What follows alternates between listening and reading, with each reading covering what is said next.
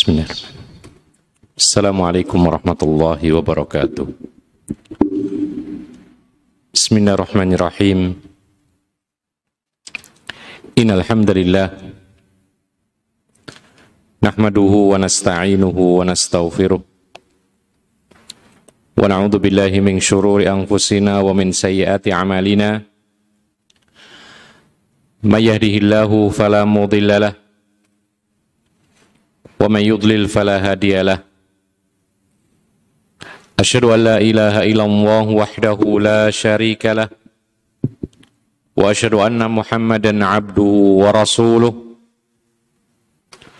اللهم صل وسلم على نبينا محمد وعلى آله وصحبه ومن تبعهم بإحسان إلى يوم الدين وسلم تسليما كثيرا. أما بعد. Ma'asyiral muslimin rahimakumullah melanjutkan kajian kita masih membahas sebuah kitab yaitu Riyadhus Salihin dan kita masih berada pada bab as-sabru tentang sabar dan apa ganjarannya. Kita masuk kepada hadis nomor 31.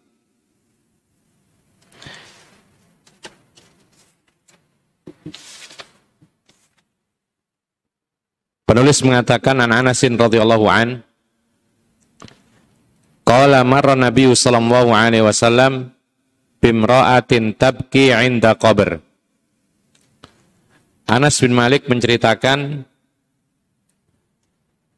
suatu ketika Nabi sallallahu alaihi wasallam berpapasan dengan seorang wanita yang menangis di sisi kuburan. Dalam penjelasannya, kuburan ini adalah kuburan anaknya. Baru meninggal dunia, kemudian dikuburkan, kemudian sang ibu meratapi anaknya dalam kuburnya.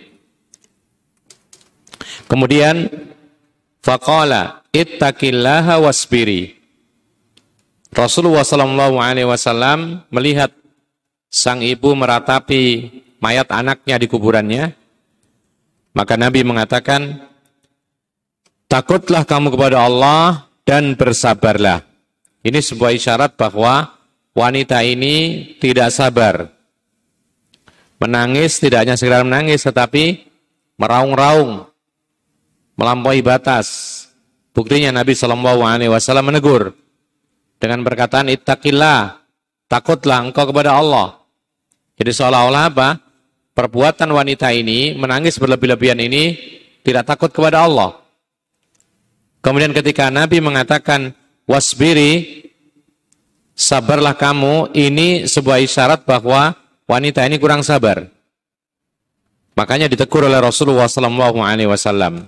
Nah, tatkala Rasulullah Sallallahu Alaihi Wasallam menegur wanita ini dan wanita ini sedang sedih, meratapi anaknya yang meninggal dunia, maka dia langsung mengatakan, ilaika anni fa innaka lam tusab bimusibati.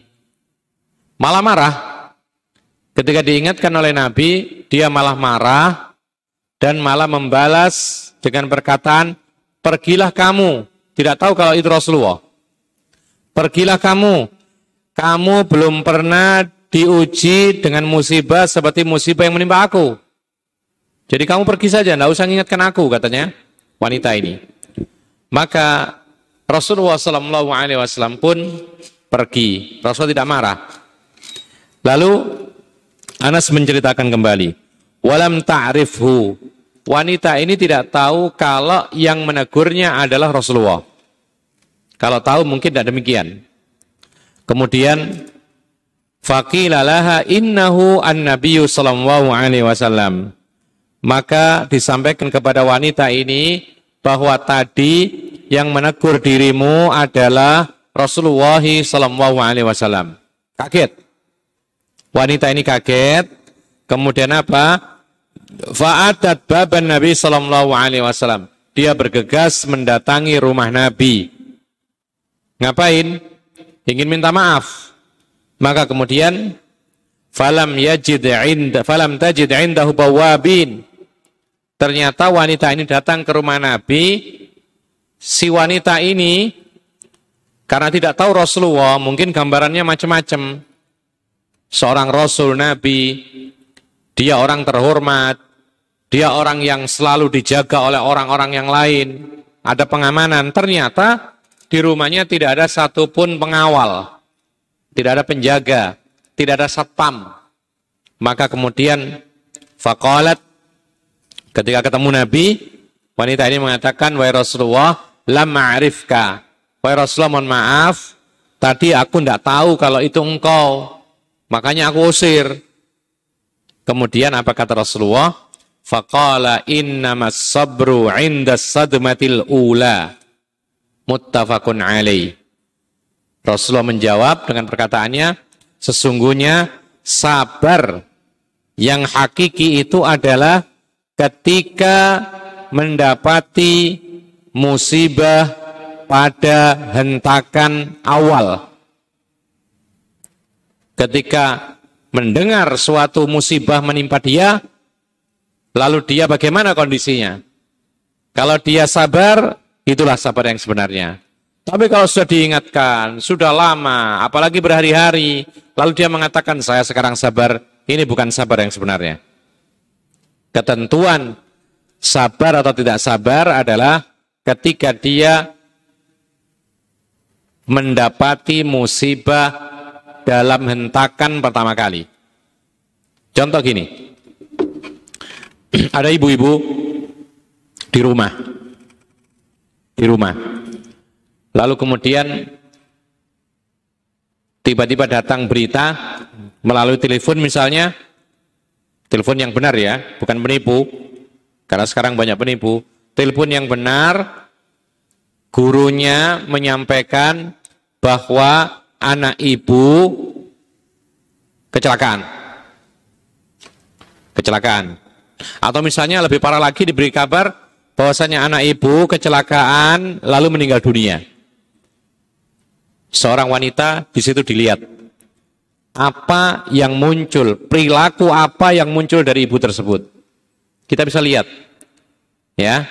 Kalau dia menangis biasa tanpa mengeluarkan ucapan-ucapan teriakan, tanpa memukul-mukul sesuatu yang ada di hadapannya, tanpa mencaci maki, tanpa teriak-teriak, dia hanya menangis biasa, sedih, maka wanita seperti ini adalah wanita yang sabar ketika mendapat musibah.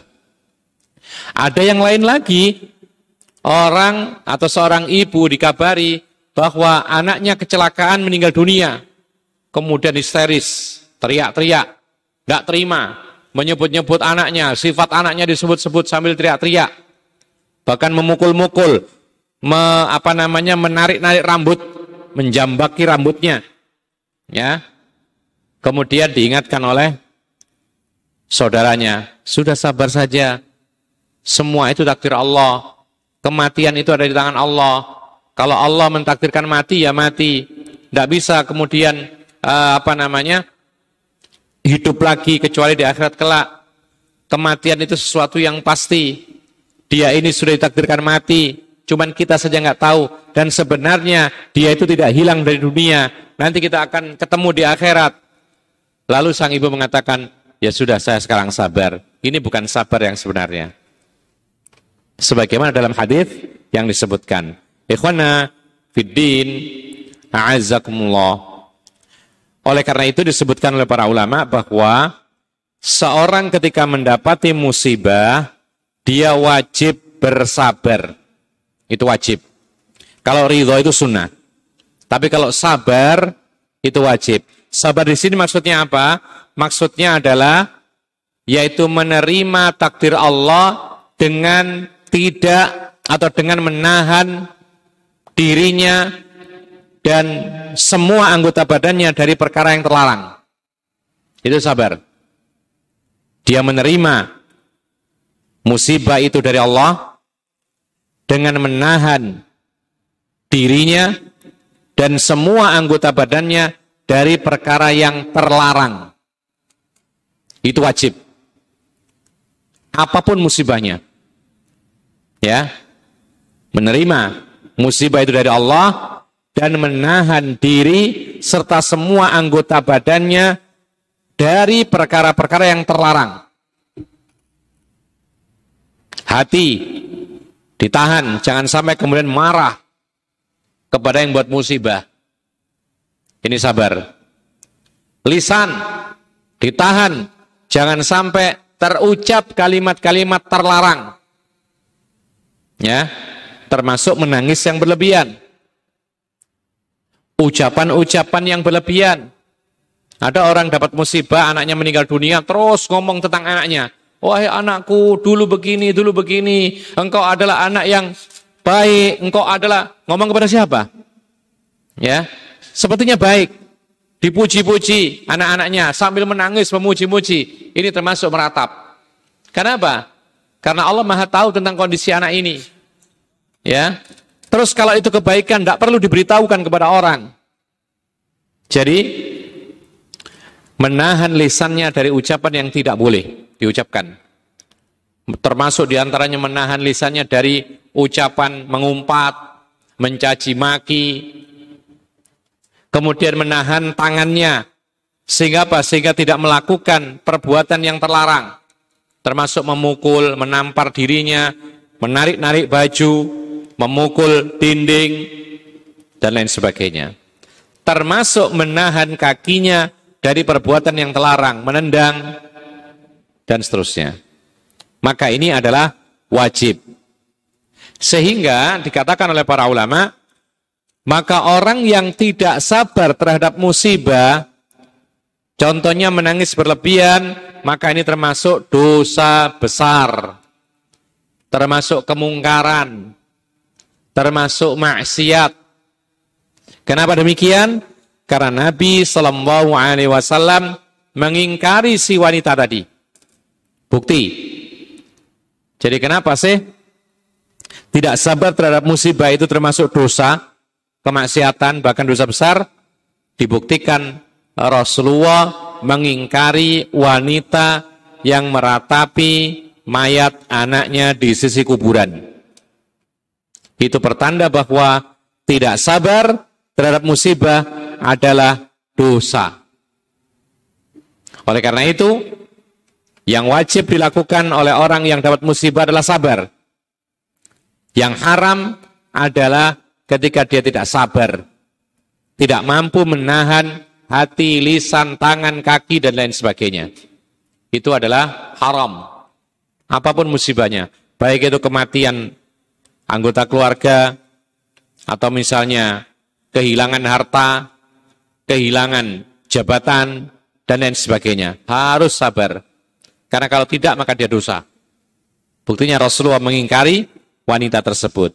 Ikhwana fiddin azakumullah. Kemudian demikianlah bagaimana akhlak Rasulullah sallallahu alaihi wasallam. Rasulullah memiliki akhlak yang mulia, Dibuktikan di sini kita lihat bagaimana beliau diusir oleh seorang wanita. Ilaika anni, pergi sana. Kamu belum ngerasain musibah ini. Pergi sana. Tidak mau dinasehati malah ngusir. Lihat bagaimana Rasulullah. Apakah Rasulullah marah? Jawabannya tidak.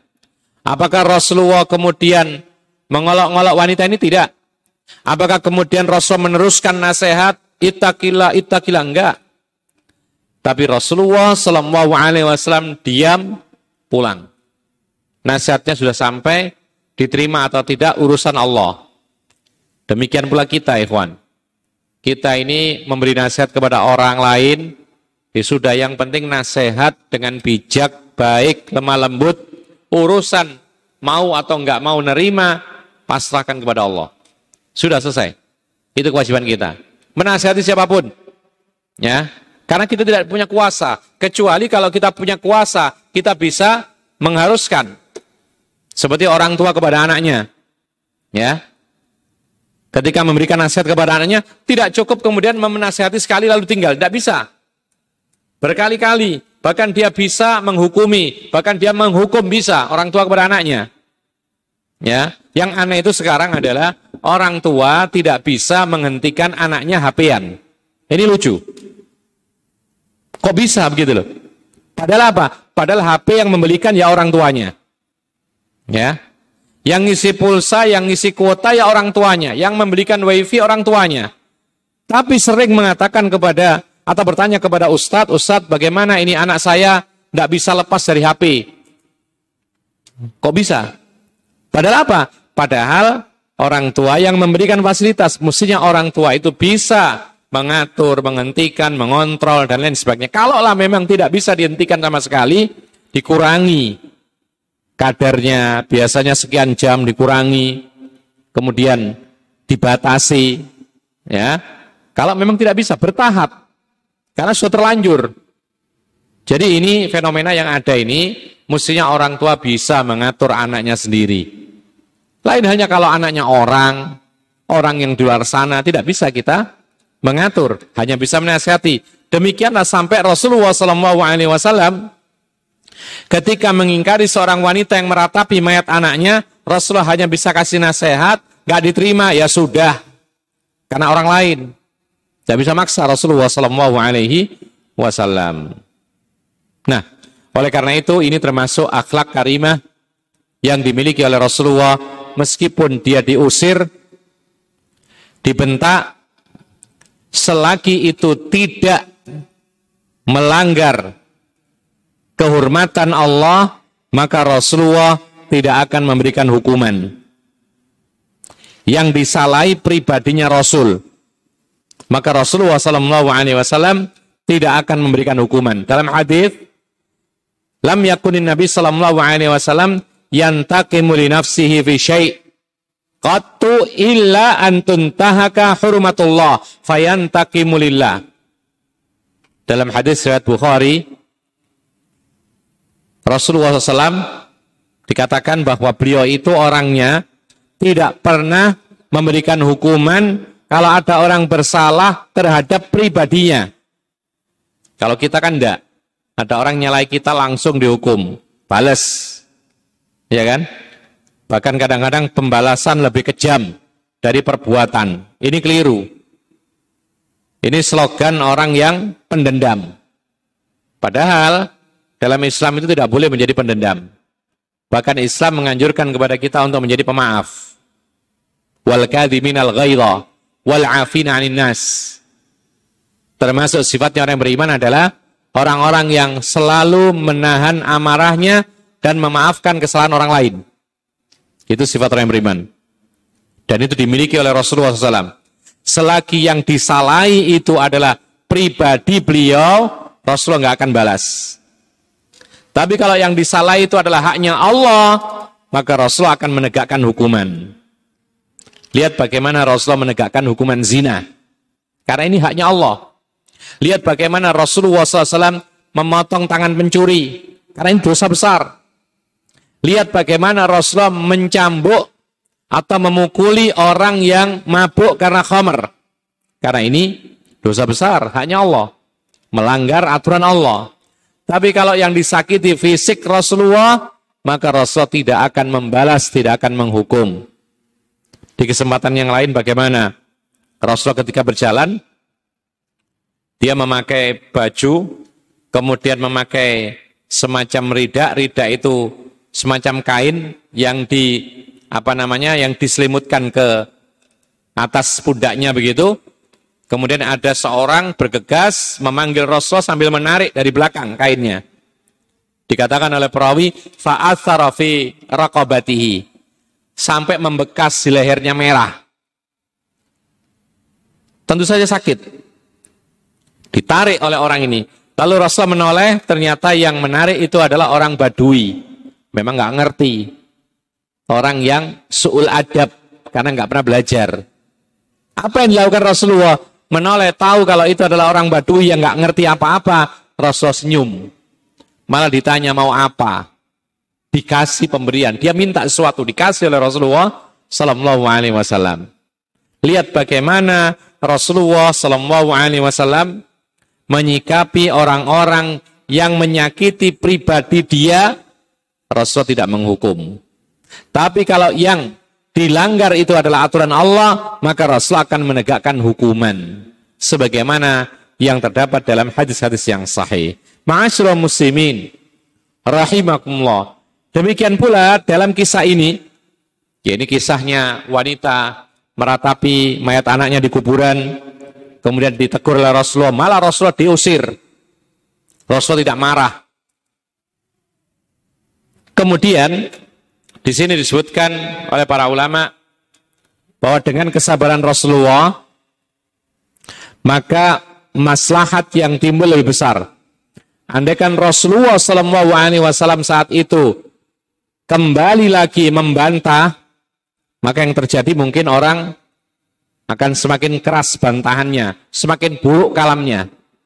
Tapi tatkala Rasulullah mengalah, lalu pulang, lalu orang lain memberitahu ibu ini, Wahai ibu, itu tadi Rasulullah. Langsung dia ketakutan dan dia datang kepada Rasulullah minta maaf. Ya. Dan ini menunjukkan kepada kita bahwa demikianlah kondisi Rasulullah sallallahu alaihi wasallam. Beliau beliau itu orangnya sangat-sangat tawadhu. Tawadhu itu adalah merendahkan diri di hadapan orang-orang yang beriman karena Allah. Ini sifat yang luar biasa.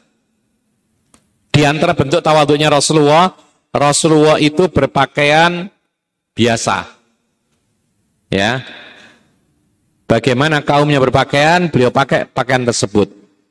Kalau dulu zaman Rasulullah itu tidak lepas dari sorban, kemudian gamis atau sirwal, gantinya sirwal itu sarung.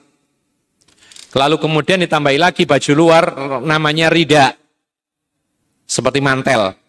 Itu stylenya laki-laki zaman Nabi. Sejak sebelum Nabi SAW diutus. Ya begitu.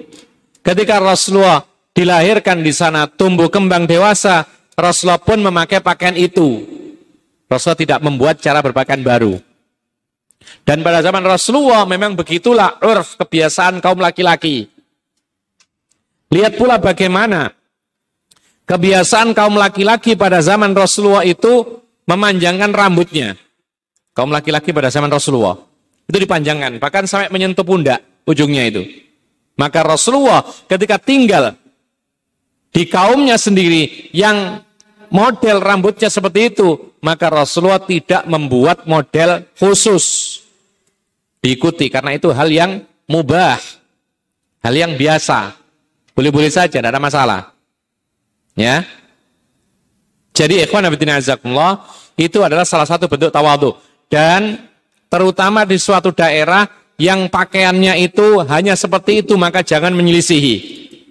Karena nanti jatuhnya adalah pakaian syuhroh pakaian ketenaran. Itu nanti kena hukuman dari Allah Subhanahu wa taala, siapa yang pakai pakaian ketenaran, maka dia akan dipakaikan pakaian kehinaan di akhirat kelak. Pakaian ketenaran itu adalah pakaian ciri khas. Antum jangan sampai punya keinginan yaitu berpakaian beda dengan semua orang. Ini biasanya orang-orang yang ingin menonjol. Ini biasanya orang-orang yang hubbus syuhrah, cinta ketenaran. Bagaimana berpenampilan yang beda sama semua orang di dunia. Ini namanya syuhrah. Rasulullah mengatakan siapa yang memakai pakaian syuhrah, maka dia akan diberi pakaian kehinaan di akhirat kelak. Al jaza'u min jinsil amal. Balasan sesuai dengan amalannya. Jadi Rasulullah memakai pakaian yang dipakai oleh umatnya. Rasulullah be, me, me, me, memelihara rambut sebagaimana kaum laki-laki pada zamannya memelihara rambut. Dan di tempat kita, kita bersyukur kepada Allah bahwa untuk masalah pakaian lebih fleksibel. Di tempat kita ini urufnya tidak seragam satu macam saja. Bahkan ada macam-macam di tempat kita hal yang lumrah. Ada di antara kita yang pakai sarung, ada di antara kita yang nggak pakai sarung tapi pakai celana. Ada lagi yang tidak pakai celana dan tidak pula sarung tapi pakainya gamis. Tidak ada masalah. Ini ada keluasan di negeri kita, Alhamdulillah. Beda kalau antum pergi ke misalnya Saudi Arabia misalnya, ke Qatar misalnya. ke Bahrain misalnya, ke Oman misalnya. Kaum laki-laki di sana memiliki pakaian keseharian yang ma'ruf. Ya seperti itu saja. Tidak ada yang lain. Maka orang di sana yang ikuti itu lebih baik. Karena memang uruf kebiasaannya begitu. Gak ada yang beda. Maka sebaiknya seseorang itu mengikuti kaumnya karena itu adalah perkara yang mubah, halal. Tapi di tempat kita, alhamdulillah sekali lagi, yaitu tidak ada uruf yang sifatnya itu seragam hanya satu bentuk saja tidak. Ya, ada beberapa macam yang penting itu adalah hal yang lumrah silakan dipakai. Peci saja, peci di tempat kita ini macam-macam. Ya, tapi kalau di negara yang lain nggak ada peci warna hitam, apalagi warna-warni. Tidak ada. Tapi di tempat kita ada yang hitam, ada yang putih, ada yang warna-warni. Silakan, ada masalah. Karena memang kebiasaan di tempat kita berbeda-beda, tidak ada masalah. Nah, ikhwan abidin azakumullah, tetapi yang paling kita tekankan di sini adalah jangan sampai seseorang itu terutama orang yang ditokohkan. Jangan sampai orang yang ditokohkan itu kemudian berusaha untuk memakai style yang berbeda dari umatnya. Jangan. Ya. Itu bertolak belakang dengan sifat tawadhu. Tapi kalau tawadhu merendahkan diri kepada sesama karena Allah Subhanahu wa taala itu memakai pakaian sebagaimana yang dipakai oleh kaumnya. Itu yang benar. Ya. Memakai pakaian sebagaimana yang dipakai oleh kaumnya yang lumrah. Itu namanya tawadhu. Makanya Rasulullah tidak pernah memiliki pakaian khusus yang tidak sama dengan umatnya. Tidak ada. Ya.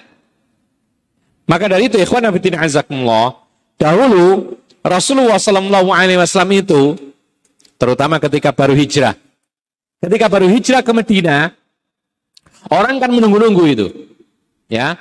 Dulu nggak seperti sekarang. Kalau sekarang kan kita bisa mengenal orang itu dari YouTube. Iya kan? Antum misalnya mendengar ada ustadz hadir di sini, namanya ini, ini, ini. Antum belum tahu yang mana sih Ustadz Fulan ini, tinggal klik di Youtube muncul, oh ini orangnya. Ketika datang sudah tahu orangnya. Ya. Nah, dulu zaman Rasulullah tidak tahu. Orang tidak mengenal orang lain kecuali kalau ketemu. Nah, saat Rasulullah Wasallam hijrah ke Medina, ya, orang-orang Madinah sudah menunggu kedatangan Nabi. Tapi banyak di antara mereka yang belum kenal Nabi itu yang bagaimana. Yang kenal tidak ada masalah.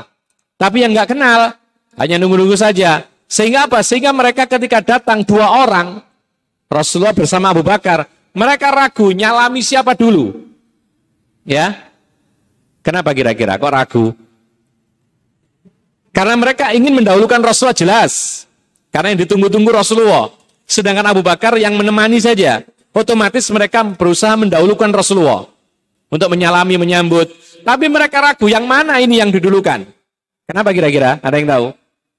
Karena penampilan Rasulullah sama dengan Abu Bakar. Tidak berbeda. Biasa. Jadi nggak macam-macam, nggak neko-neko. Ya, nggak pakai atribut yang menandakan bahwa dia Rasul. Nggak tidak memakai atribut yang menunjukkan bahwa dia tokoh, tidak. Tapi beliau berpenampilan sederhana seperti kaum laki-laki, kaumnya dan pada zamannya. Itu yang ada pada diri Rasulullah Sallallahu Alaihi Wasallam. Dan ternyata ini ada kaitannya dengan apa yang disebutkan oleh Nabi sendiri. Man tawadhu'a rafa'ahu. Barang siapa yang tawaduk karena Allah, asalkan karena Allah, maka pasti Allah akan meninggikan derajatnya. Luar biasa lihat Rasulullah SAW ketika dia tawaduk merendahkan diri kepada sesama manusia karena Allah maka Allah tinggikan derajatnya. Sebaliknya dalam hadis yang lain Rasulullah mengatakan wa man takabbara Allah. Tapi siapa kata Nabi yang meninggi makanya hati-hati Jangan ada keinginan untuk menonjol, meninggi, tenar, jangan. Karena apa kata Nabi Shallallahu Alaihi Wasallam? Barang siapa yang meninggi atau membesarkan dirinya, maka pasti Allah akan jatuhkan, Allah rendahkan. Karena memang bukan tempatnya itu. Belum waktunya menonjol. Tapi dia menonjolkan dirinya. Maka biasanya akan dijatuhkan oleh Allah subhanahu wa ta'ala. Ikhwan azakumullah. Maka sekali lagi kisah ini ada permasalahan yang disebutkan oleh para ulama tentang masalah hukum wanita berziaratul kubur. Wanita berziaratul kubur. Tadi kita saksikan bagaimana Rasulullah menegur wanita di mana tadi? Di sisi kuburan anaknya. Meratapi mayat anaknya. Rasulullah menegur apanya? Apa yang ditegur oleh Rasulullah?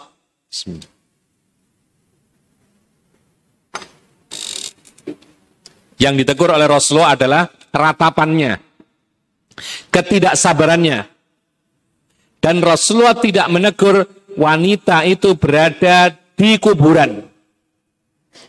Maka diambil faedah dari sini bahwa ini menguatkan pendapat yang mengatakan bahwa wanita boleh melakukan ziaratul kubur. Sekali lagi, dari kisah ini menguatkan pendapat yang mengatakan bahwa wanita boleh berziaratul kubur. Kenapa? Karena Nabi membiarkan wanita itu berada di sisi kuburan anaknya. Otomatis kan kalau masuk mendekati kuburan anaknya berarti kan ziaratul kubur. Meskipun dia tidak mengatakan saya akan ziaratul kubur, tapi dia masuk ke area kuburan, apalagi dia mendekati kuburan anaknya, ya itulah ziarah. Karena ziarah itu artinya adalah mengunjungi. Ya. Dan ini perkataan ini menyanggah pendapat larangan wanita berziaratul kubur. Ada pendapat yang mengatakan bahwa wanita tidak boleh sama sekali ziaratul kubur. Ini pendapat. Kenapa demikian? Karena ada hadis yaitu la'anallahu zairatil kubur. Allah melaknat wanita-wanita yang melakukan ziaratul kubur. Tapi hadisnya lemah. Syal Albani rahimahullah memberikan keterangan yang sangat gamblang tentang kelemahan hadis yang menyatakan Allah melaknat wanita-wanita yang berziaratul kubur. Satu. Lalu yang kedua, hadis yang kita baca ini menyanggah pendapat tersebut. Ternyata ada wanita melakukan ziaratul kubur mayat atau kuburan anaknya. Dan Rasulullah membiarkan. Yang diingkari adalah meratapnya bukan ziaratul kuburnya. Kemudian ikhwan nafiddin azakumullah. Yang berikutnya disebutkan. Kenapa wanita itu boleh berziaratul kubur sebagaimana laki-laki boleh berziaratul kubur? Karena hikmah. Tapi kalau kita tanya, apa hikmahnya ziaratul kubur? Ada yang tahu? Apa hikmahnya? Untuk apa? Mengingat kematian. Baik. Apakah mengingat kematian itu khusus bagi pria? Tidak. Maka karena alasan hukum atau uh, illah alasan daripada ziaratul kubur itu adalah mengingat kematian dan mengingat kematian itu dibutuhkan untuk laki-laki dan wanita, maka wanita pun juga perlu ziaratul kubur atau boleh paling minimal boleh ziaratul kubur untuk mengingat kematian. Karena wanita pun juga butuh mengingat kematian. Bahkan kadang-kadang kita katakan wanita lebih butuh mengingat kematian. Kadang-kadang begitu. Makanya Rasulullah mengingatkan wanita itu lebih banyak menjadi penghuni neraka daripada laki-laki. Apa sebabnya? Di antaranya karena apa? Karena mengingkari kebaikan suami atau banyak mengeluh kata Rasulullah SAW. Sehingga Wanita itu kadang-kadang lebih penting, lebih butuh mengingat kematian. Cuman mengingat kematian sarannya banyak, sarannya. Sarannya, sarananya bisa ziaratul kubur, menjenguk orang sakit, mendengarkan pengajian, ya. Kemudian takziah, membaca Al-Qur'an, membaca sirah nabawi, terutama ketika Rasulullah SAW diancam pembunuhan, membaca kisah para salaf tentang kesabaran mereka dalam menjalani kehidupan itu sarana untuk mengingat kematian. Oleh karena itu, ma'asyiral muslimin rahimakumullah, karena alasan hukum ziaratul kubur itu untuk mengingat kematian, sementara mengingat kematian itu tidak dikhususkan kaum laki-laki, maka berarti perempuan pun juga butuh untuk mengingat kematian di antaranya dengan ziaratul kubur. Lalu alasan yang berikutnya. Di dalam hadis yang sahih, riwayat Nasai dan yang lainnya, Aisyah radhiyallahu anha pernah mengunjungi kuburan saudara kandungnya. Siapa itu? Abdurrahman ibnu Abi Bakar. Abdurrahman bin Abi Bakar. Bahkan disebutkan dalam sebuah hadis bahwa beliau datang dari kuburan. Ditanya oleh sahabat Nabi perempuan yang lain, dari mana engkau? Dari kuburannya Abdurrahman ibnu Abi Bakar. Jadi disebutkan bahwasanya betul-betul Aisyah ini baru saja ziaratul kubur. Tentu saja Nabi masih ada dan Nabi tidak melarang. Berarti boleh juga wanita ziaratul kubur. Alasan yang berikutnya, bahkan dalam hadis yang lain, Aisyah radhiyallahu anha ketika mau mengunjungi ziaratul kubur saudaranya datang kepada Rasulullah tanya apa doa yang diucapkan ketika hendak ziaratul kubur. Jadi Aisyah ini memberitahukan kepada Nabi, "Wahai Rasulullah, kalau aku ingin mengunjungi kuburan saudaraku, apa yang aku ucapkan?" Rasul tidak marah. Rasulullah pun juga tidak menegur. Tapi justru Rasulullah Sallallahu Alaihi Wasallam mengatakan, "Kuli assalamualaikum ahlad diyar minal muslimin wal mu'minin wa inna insyaallah bikum lahikun nas'alullaha lana walakumul afiyah." Rasulullah malah mengajari. Masa dilarang? Diajari malahan. Rasulullah mengatakan, kalau kamu ziaratul kubur, maka ucapkanlah semoga keselamatan bagi kalian penghuni kampung kuburan ini dari kalangan muslimin dan mukminin dan kami insya Allah pasti menyusul. Kami memohon kepada Allah buat kami dan kalian yaitu ampunan dari Allah Subhanahu wa taala. Lihat bagaimana Aisyah minta izin kepada Rasulullah dan Rasul setuju dan Aisyah minta diajari apa ucapan ketika ziaratul kubur adiknya atau saudaranya. Rasulullah Shallallahu Alaihi Wasallam tidak mengingkari. Tetapi dengan catatan ikhwan, dengan catatan ini penting, ya. Menurut pendapat yang kuat tadi kan boleh wanita ziaratul kubur. Tapi catatan yang paling penting adalah tidak boleh wanita itu sering ziaratul kubur. Ini catatannya. Kenapa demikian? Karena ada hadis yang sahih dari Ibnu Abbas, dari Abu Hurairah, tiga sahabat. Dan dari Hasan Ibnu Thabit, apa itu? Perkataan Rasulullah sallallahu alaihi wasallam, la'anallahu zawaratil kubur. Ai al-muksirat minha hadis yang sahih itu dengan lafat dan hadis ini dari tiga sahabat sekaligus. Jadi hadis yang sahih adalah Allah melaknat wanita-wanita yang sering ziaratul kubur. Itu yang dilarang, yang dilaknat. Sehingga yang dilaknat yang sering, wanita yang sering ziaratul kubur. Adapun yang tidak sering, maka termasuk dipulihkan sebagaimana yang dilakukan oleh Aisyah dan disetujui oleh Rasulullah Sallallahu Alaihi Wasallam. Bisa dipahami ya? Jadi intinya wanita boleh nggak ziaratul kubur? Boleh. Bahkan termasuk sunnah. Tapi catatannya adalah tidak boleh terlalu sering. Terlalu sering itu contohnya berapa kali? Ya? Berapa kali sepekan? Sering itu. Kalau sepekan atau misalnya sebulan sekali, sering nggak? Tidak, berarti boleh. Tapi kalau setiap hari, sekali, sering nggak itu? Ya sering. Ya, karena kita menjenguk orang tua saja kadang-kadang nggak setiap hari, meskipun dekat, Ini kok setiap hari ke kuburan, berarti sering. Maka inilah wanita yang dilaknat oleh Allah Subhanahu wa taala. Ya. Oleh karena itu konsekuensinya sekarang boleh nggak ketika kita sedang umroh wanita ya, ketika wanita sedang umroh biasanya ada paketnya mengunjungi Madinah, kan gitu. Nah, sekarang wanita ketika berada di Madinah boleh nggak ziaratu kubur Nabi Shallallahu Alaihi Wasallam? Jawabannya, boleh. Yang penting, jangan sering-sering kena laknatnya Allah. Misalnya setiap hari dua kali, tiga kali, pagi, siang, sore, tidak boleh.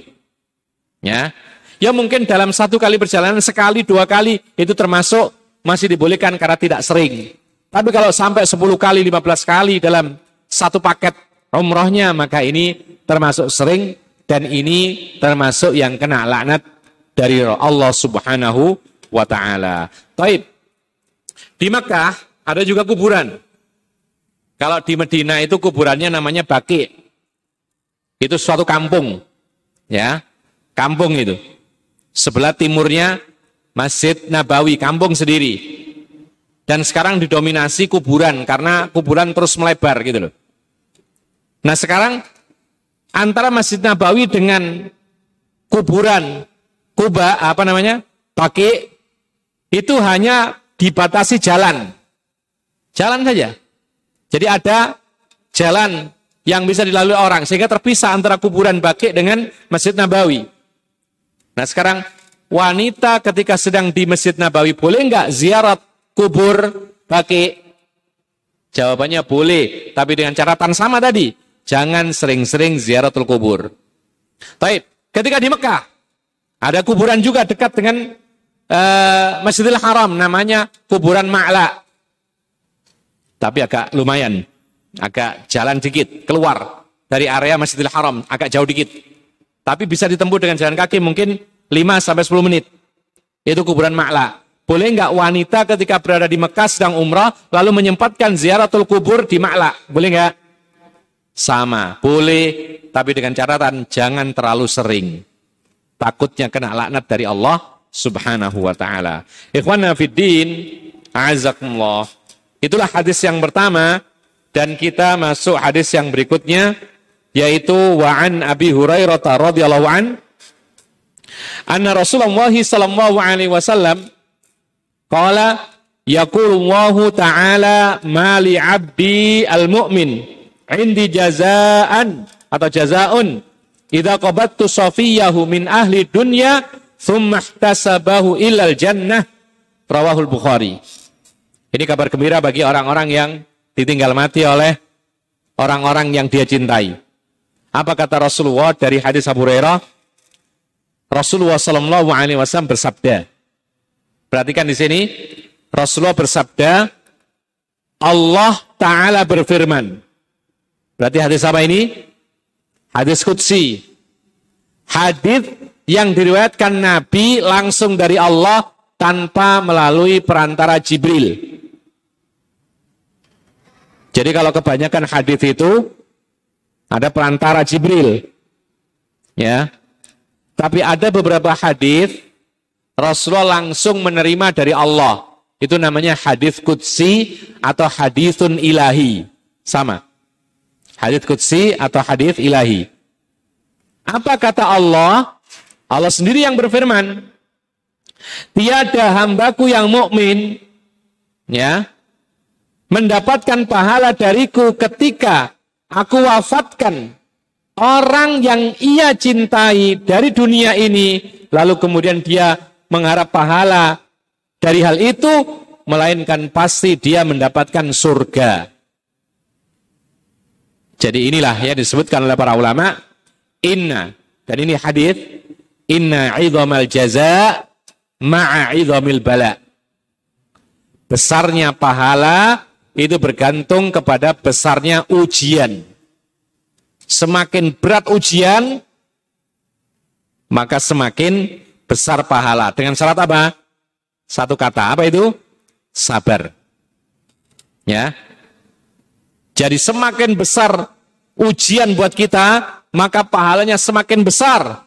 tapi dengan syarat sabar. Musibah itu bertingkat-tingkat, ikhwan. Ada musibah ringan, setengah ringan, berat, sangat berat, super berat ada. Apa yang kira-kira dianggap musibah yang super berat? Bagi antum apa kira-kira? Apa kira-kira? Menurut antum musibah berat itu apa? Contohnya. Bagi antum. Apa kira-kira? Apa? Tidak dapat hidayah. Baik, maksudnya di sini adalah musibah yang berkaitan dengan duniawiyah. Apa kira-kira yang berat? Menurut antum? Kehilangan harta? Berat gak itu? Berat. Kehilangan keluarga? Berat. Ya, kehilangan pekerjaan? Berat. Bahkan ada suatu ketika ada orang itu dikasih musibah sekaligus berbarengan.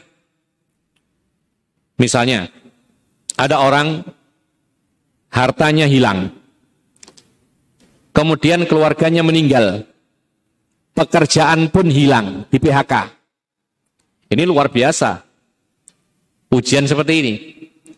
Nah, maka dia akan mendapatkan pahala besar dan ujungnya yang paling tinggi adalah masuk surga dengan syarat kalau dia sabar. Nah, di sini ikhwan fiddin azakumullah, di antara bentuk e, musibah yang berat itu adalah kematian orang yang dicinta. Orang yang paling antum cinta siapa? Hah? Siapa orang yang paling antum cintai? Jangan-jangan salah antum. Siapa kira-kira? Setelah Rasulullah ya. Orang yang paling antum cintai siapa? Siapa? Orang yang paling antum cintai yang masih hidup. Siapa kira-kira? Orang tua. Harus. Ya kan? Karena Allah menyebutkan orang tua itu adalah nomor pertama dari manusia yang harus dicintai setelah Allah dan Rasulnya. Wa qadha rabbuka ta'budu ila iyyahu wa bil walidaini. Jadi Allah memerintahkan kita ini untuk berbakti kepada orang tua, maka mereka harus paling kita cintai. Ya. Nah, sekarang ketika seorang itu ditinggal mati oleh orang tuanya, pasti sedih. Sedih gak kira-kira? Pastilah. Kalau antum tidak sedih kehilangan orang tua ya perlu dipertanyakan lu kenapa gitu loh. Jangan-jangan ada konflik kan gitu. Jadi pasti sedih, kalau normal itu sedih. Nah, ketika kita kehilangan orang tua kita meninggal dunia misalnya, lalu kita sabar dengan musibah ini, maka surga balasannya. Ya. Karena itu adalah musibah yang sangat-sangat berat. Bisa dikatakan super berat. Kecuali anak durhaka ya, kadang-kadang gembira dengan kematian orang tuanya. Karena apa? Karena yang ditunggu-tunggu tiba, warisan. Maka ini tidak patut seperti ini. Atau misalnya orang tua punya anak, tiba-tiba anaknya meninggal dunia. Berat gak itu? Sangat berat. Apalagi anak itu sudah mulai kelihatan dewasa, mulai sudah bisa bercengkrama, bahkan dipanggil menurut, disuruh-suruh bisa. Ini luar biasa senangnya orang tua. Tiba-tiba Allah takdirkan meninggal dunia. Berat, sangat-sangat berat. Saya punya teman, seorang guru, ya, Ustadz, itu anaknya umur 2, 2 tahun, ya, 2 tahun itu meninggal. Meninggalnya pun secara mendadak dan sangat mengejutkan. Apa itu? Ketika si orang tua ini sedang mengajar, ya, anaknya main. Anaknya main. Di sekitar rumah. Sudah main, kemudian uh, orang tuanya datang pulang, seperti biasa. Seperti biasa, bercengkrama dengan anak yang lain, anaknya banyak. Kemudian sampai sore hari nggak merasa kalau anaknya sudah nggak ada ini. Kemudian sore hari ditanya, mana anak saya yang nomor sekian? Kalau nggak salah nomor tiga saat itu. Ditanya, oh iya nggak ada. Baru sadar orang tuanya. Ibunya juga baru sadar. Dicari-dicari kemudian Nggak ada di semua kamar yang nggak ada, di sekitar nggak ada. Akhirnya apa? Tetangganya ditanya. Akhirnya heboh saat itu, kemudian tetangga mencari semua. Ditemukan dalam keadaan telungkup meninggal dunia di sebuah rawa. Jadi bekas hujan yang air itu masih belum hilang. Ya. Jadi meninggal dunia dalam keadaan yaitu tenggelam lalu kemudian sudah mengapung. Kemudian anak itu diangkat dikasihkan kepada si guru ini tadi. Terkejut. Ya. Tapi subhanallah si guru ini, seorang ustadz ini, dia hanya diam, tidak terucap kata-kata kecuali innalillahi wa inna ilaihi rajiun. Seperti itu juga ibunya, subhanallah. Ini seperti ini kalau mungkin saya atau antum mungkin tidak kuat.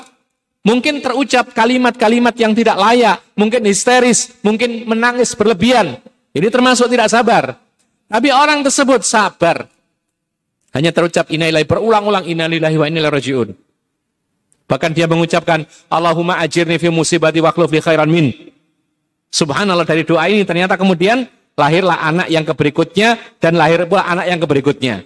Betul-betul diganti oleh Allah. Dengan doa, ya Allah, gantilah yaitu apa? Yaitu musibahku ini dengan sesuatu yang lebih baik di sisimu. Ternyata diberikan anak lagi, anak lagi, dan seterusnya. Lihat bagaimana kesabaran orang tua ketika anaknya meninggal dunia. Ya, ini sama dengan dengan orang-orang yang ditinggal mati oleh anak-anaknya, baik itu yang masih dalam kandungan atau yang sudah dilahirkan lalu meninggal dunia, sama. Ini berat. Bagaimana nggak berat? Sudah dia hamil berbulan-bulan, tinggal menunggu hari kelahiran, ternyata meninggal dunia. Ya, keguguran misalnya, termasuk. Ini musibah berat. Kalau dia sabar dan berharap pahala, makanya harus berharap pahala. Jangan diam saja. Kalau ada musibah itu, kalau bisa terucap, ya, ajirni fi musibati. Itu ada kalimat tersebut. Kalau nggak hafal bahasa Arab, bahasa Indonesia, ya Allah, beri ganti yang lebih baik, pahala ya Allah. Jadi orang Islam itu ikhwan, dengan musibah itu tidak dapat pahala. Karena musibah ini bukan perbuatan dia. Asalnya, ini tambahan faedah ya. Orang Islam itu dapat musibah, dia tidak mendapat pahala dari musibah itu. Karena musibah itu bukan perbuatan dia. Tapi, dia akan mendapat pahala kalau dihadapi dengan apa? Sabar. Jadi, ibu-ibu yang ditinggal mati anaknya, dia nggak dapat pahala karena musibah. Karena musibah itu bukan perbuatan si ibu ini. Itu Allah yang melakukan. Tapi dia bisa mendapatkan pahala karena sebab sabar terhadap musibah. Itu baru benar. Ya, karena dia tidak berbuat apa-apa. Dan itu pun pemberian Allah, Allah yang mengambil, mencabut, itu haknya Allah. Makanya kalau kita merenungi kalimat inna lillahi wa inna ilahi rajiun, kita sabar pasti. Karena kalau kita tahu maknanya, itu sangat dalam. Innalillah. Apa artinya? Sesungguhnya kami ini hanya milik Allah. Wa inna ilaihi raji'un. Dan kami semua akan kembali kepada beliau Allah subhanahu wa ta'ala. Nah kalau kita tahu artinya ini, anak sekian diambil lagi, tadinya nggak punya anak, sekarang punya anak, kok meninggal dunia? Berarti sekarang Allah mengambil lagi. Tentang cara bagaimana, terserah Allah.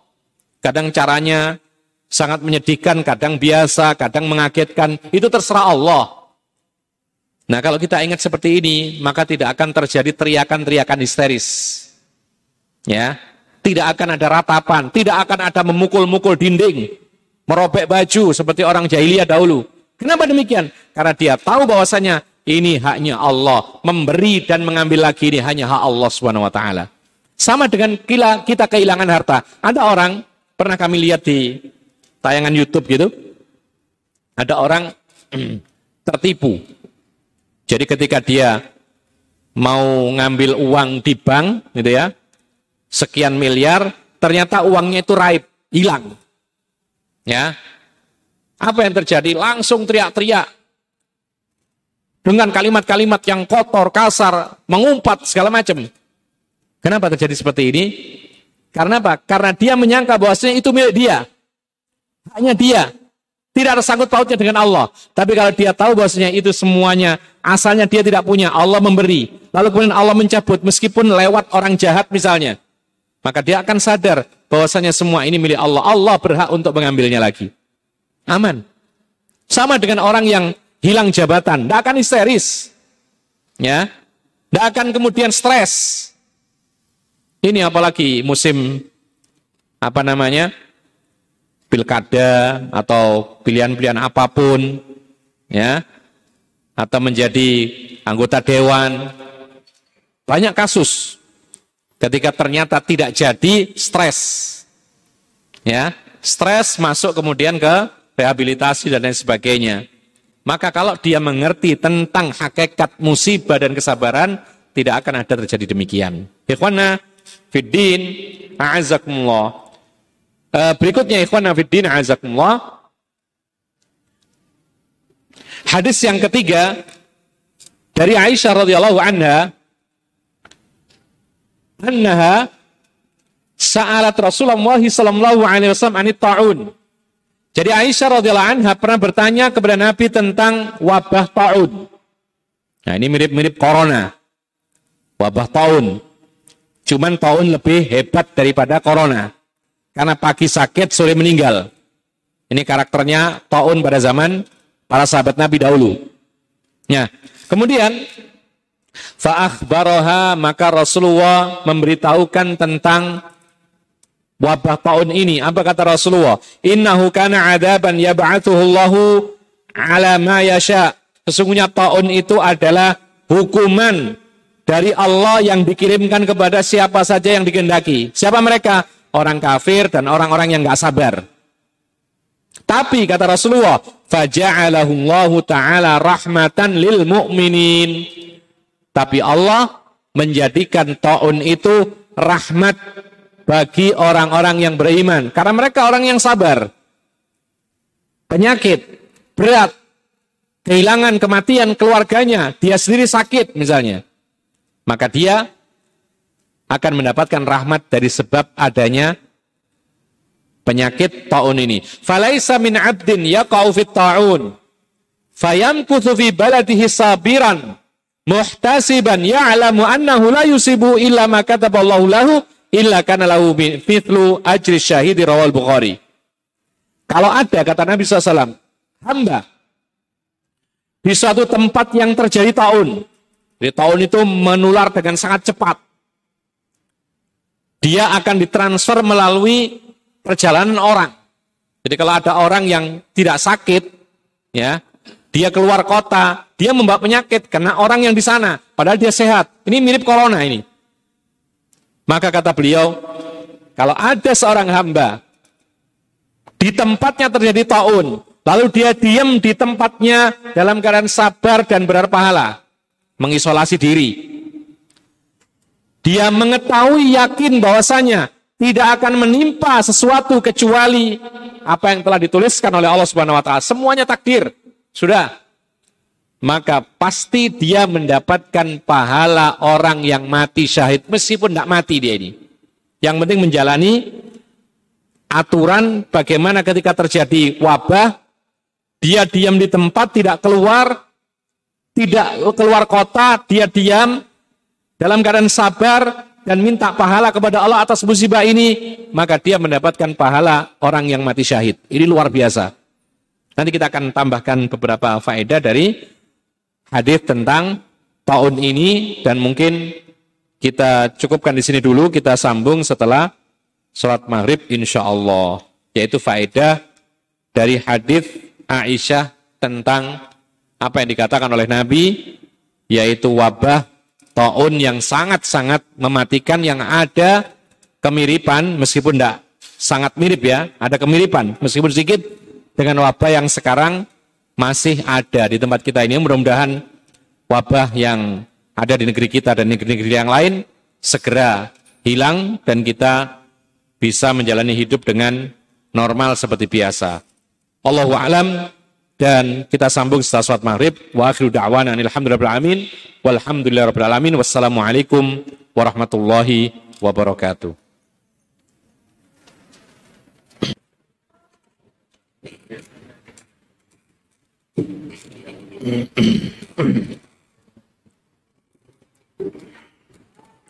Assalamualaikum warahmatullahi wabarakatuh Bismillahirrahmanirrahim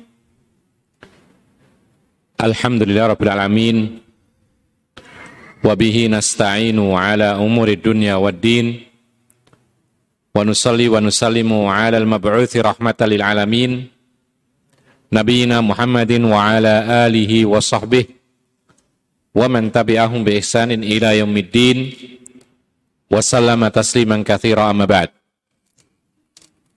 Kaum muslimin dan muslimat yang dimuliakan oleh Allah, pada hadis ketiga ini, yaitu intinya adalah Aisyah radhiyallahu anha bertanya tentang wabah taun yang merenggut nyawa banyak sekali dari kalangan para sahabat Nabi dahulu. Kemudian Rasulullah SAW mengatakan bahwa wabah taun itu sebagai adab yang dikirimkan oleh Allah kepada yang dikehendaki. Namun, wabah taun itu menjadi rahmat bagi orang-orang yang beriman. Kemudian Rasulullah mengatakan lagi, apabila ada seorang hamba berada di tempat yang sedang mewabah tahun itu, lalu dia diam di tempatnya dalam keadaan sabar dan berpahala, dia yakin bahwasanya tidak akan menimpa sesuatu kecuali apa yang telah ditetapkan oleh Allah, maka dia pasti mendapatkan pahala orang yang mati syahid.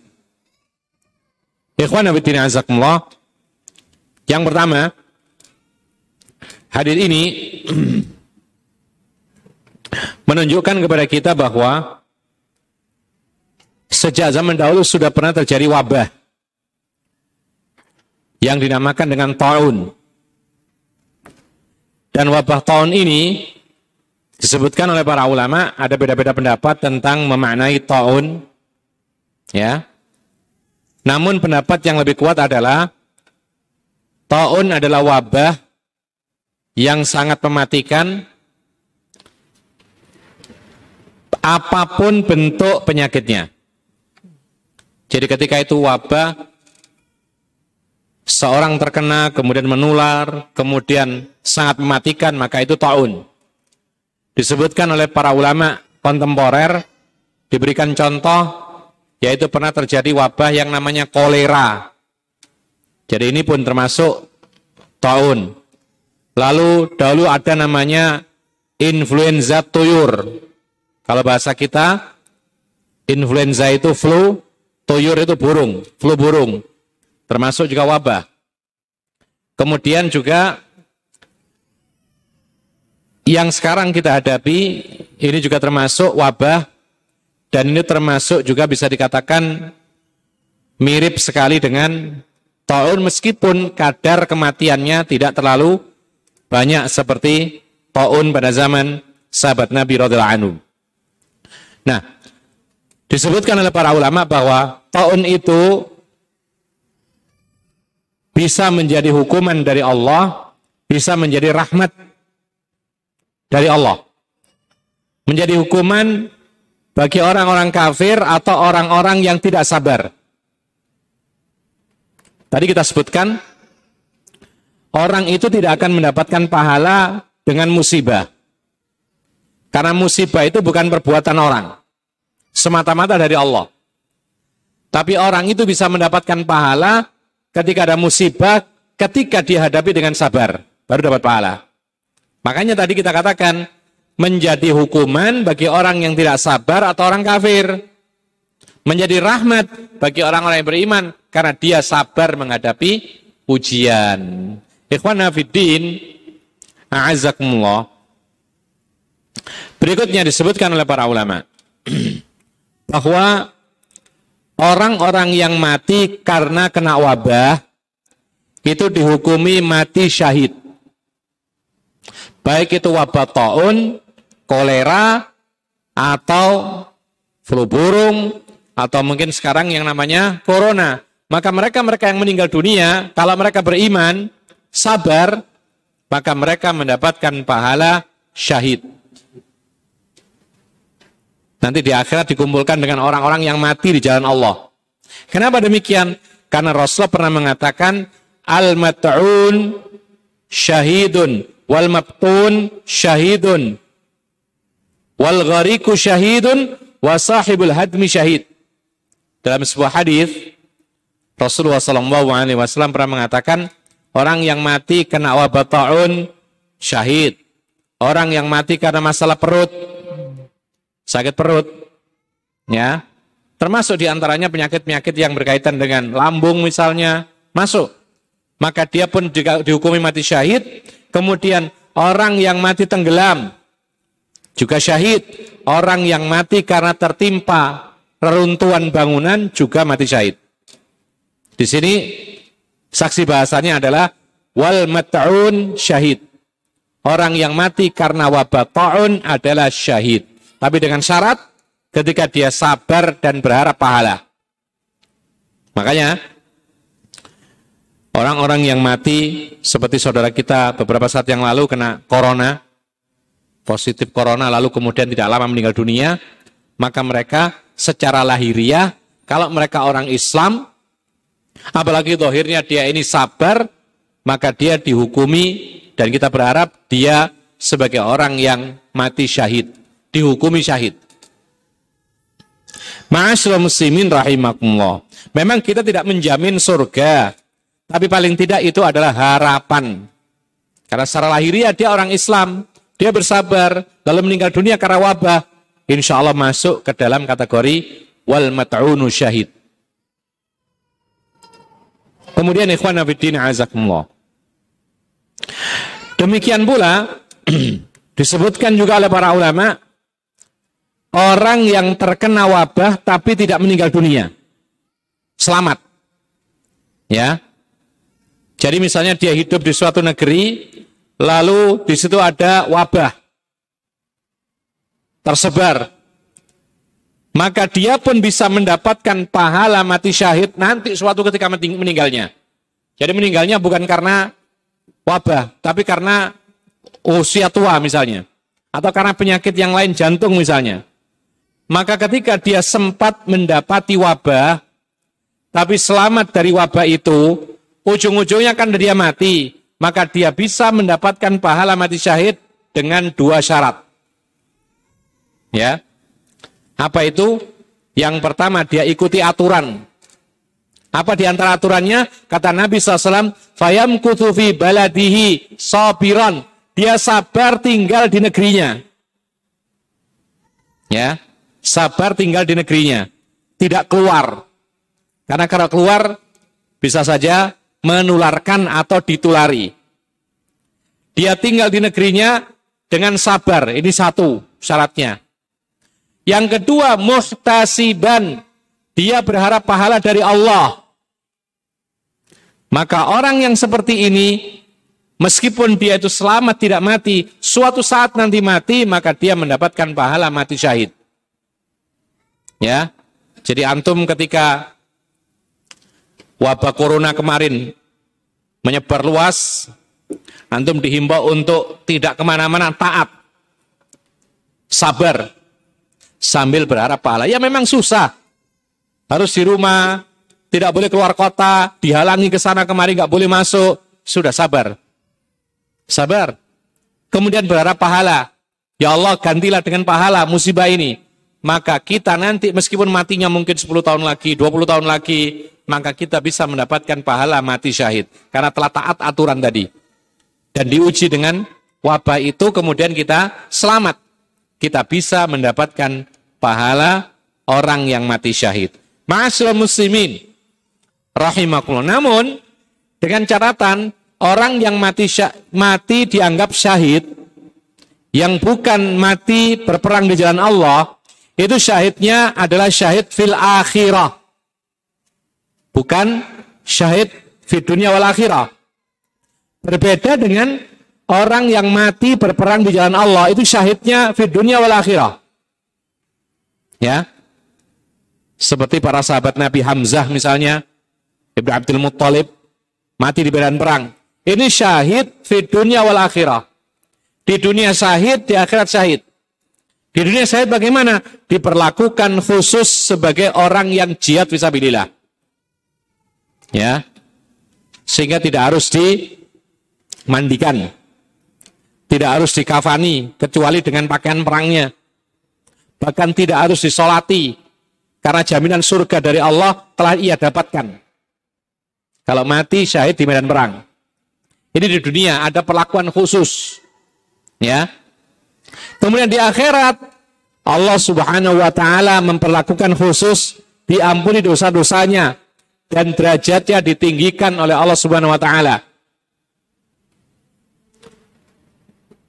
dua tingkatan di bawahnya para nabi. Allah mengatakan, Minal ladina an'amta alaihim minan nabiyyina wasiddiqina wasyuhada wassalihin.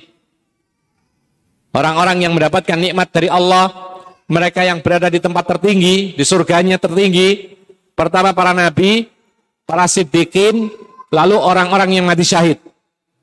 Baru kemudian orang soleh biasa. Ya. Jadi orang yang mati syahid tingkatannya sangat tinggi di akhirat kelak. Nah, orang yang mati syahid di medan perang mendapatkan syahid dunia akhirat. Di dunia perlakuan khusus, di akhirat pun juga ditinggikan derajatnya khusus. Beda dengan orang-orang yang dianggap sebagai syahid, mati kena taun, kena wabah, mati karena sakit perut, mati karena tenggelam, mati karena kebakaran, mati karena melahirkan seorang wanita, maka itu dihukumi syahid tapi fil akhirah saja. Apa artinya? Di dunia sama dengan mati biasa. Tidak ada perlakuan khusus. Karena Nabi Muhammad SAW memperlakukan wanita yang mati melahirkan itu seperti jenazah biasa. Ya dimandikan, ya dikafani, ya disolati. Dikuburkan, sama persis. Ya, Kalau mati di medan perang, tidak harus dimandikan, tidak harus disolati, dikuburkan di tempat dia terbunuh. Makanya antum lihat di Uhud itu, di Medina ada gunung Uhud, itu ada kuburan Uhud. Itu isinya adalah para pejuang yang mati di medan perang Uhud. Karena memang orang yang mati syahid dikubur di tempat di mana dia meninggal. Jadi nggak perlu dibawa pulang lagi. Itu orang yang mati syahid. Tapi kalau mati-mati yang tertera dalam hadis dihukumi sebagai syahid yang syahidnya fil akhirah saja, maka di dunia perlakuannya sama dengan jenazah biasa. Cuman nanti di akhirat dianggap syahid, dikumpulkan dengan orang-orang yang mati syahid, wasyuhada, orang-orang yang mati syahid. Kemudian ikhwanna fiddin, a'azakumullah, disebutkan oleh para ulama, demikianlah Islam mengatur kita. Ketika terjadi wabah, maka sudah ada aturan dari Rasulullah SAW. Dan itu dikerjakan oleh para sahabat Nabi. Apa itu? Ketika terjadi terdengar ada wabah di satu daerah, maka orang yang berada di luar daerah tidak boleh masuk ke sana. Dan orang yang berada di sana yang ada wabah tidak boleh keluar. Makanya para ulama mengatakan, ini adalah Islam telah mengajarkan kepada kita, yaitu apa? Yaitu apa yang disebut oleh orang sekarang itu dengan istilah isolasi, karantina, sudah diajarkan dalam Islam. 1400 tahun yang lalu. Sudah ada. Isolasi mandiri, kemudian karantina, dan lain sebagainya. Sudah ada diajarkan oleh Rasulullah Wasallam. Dan sebaik-baik petunjuk adalah petunjuk Rasulullah Wasallam. Dan hadis ini sekaligus menunjukkan kepada kita bahwa Islam itu memperhatikan penyakit-penyakit yang berbahaya harus diwaspadai. Dalam Islam harus diwaspadai penyakit-penyakit berbahaya dan penyakit yang menular.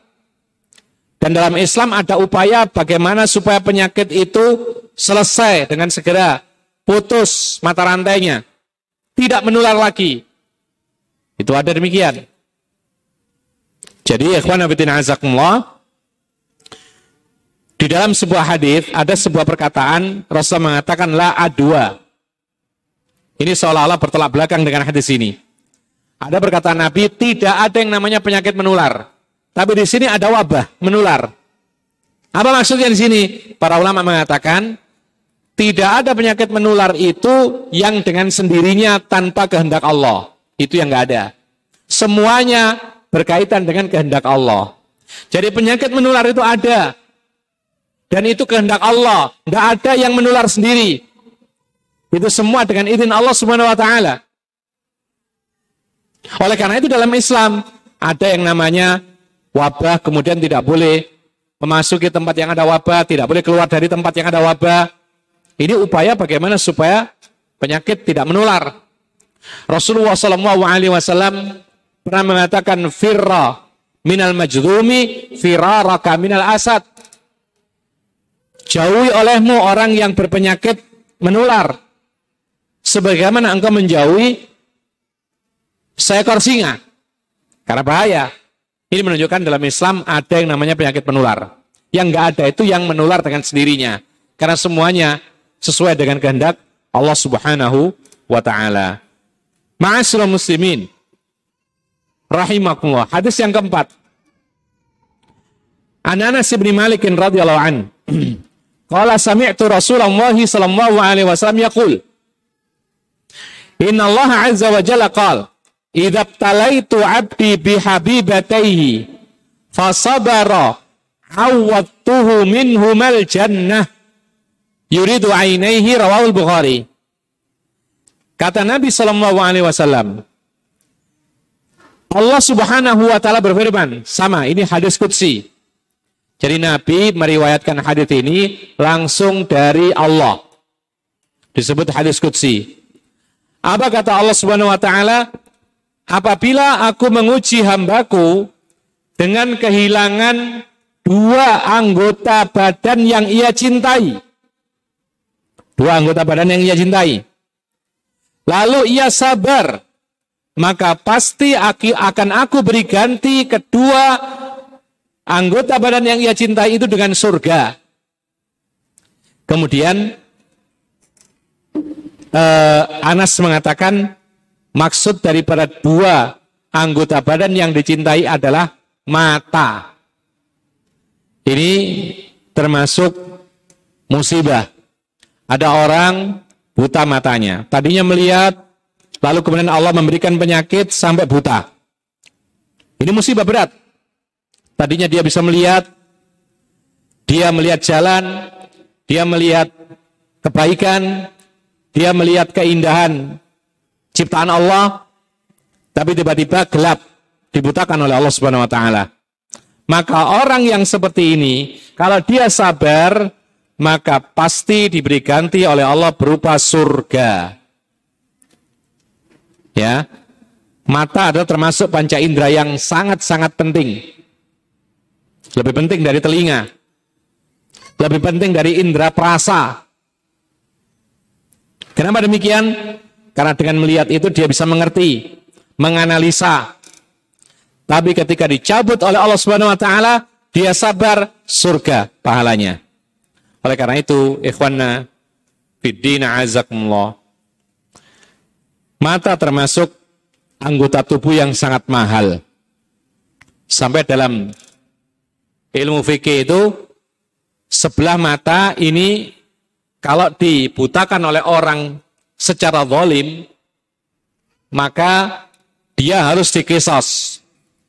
Jadi kalau ada orang menganiaya orang lain sampai membutakan matanya, maka yang membutakan mata ini harus dikisos. Allah mengatakan dalam Al-Quran, Kutiba alaikumul qisas fil qatla.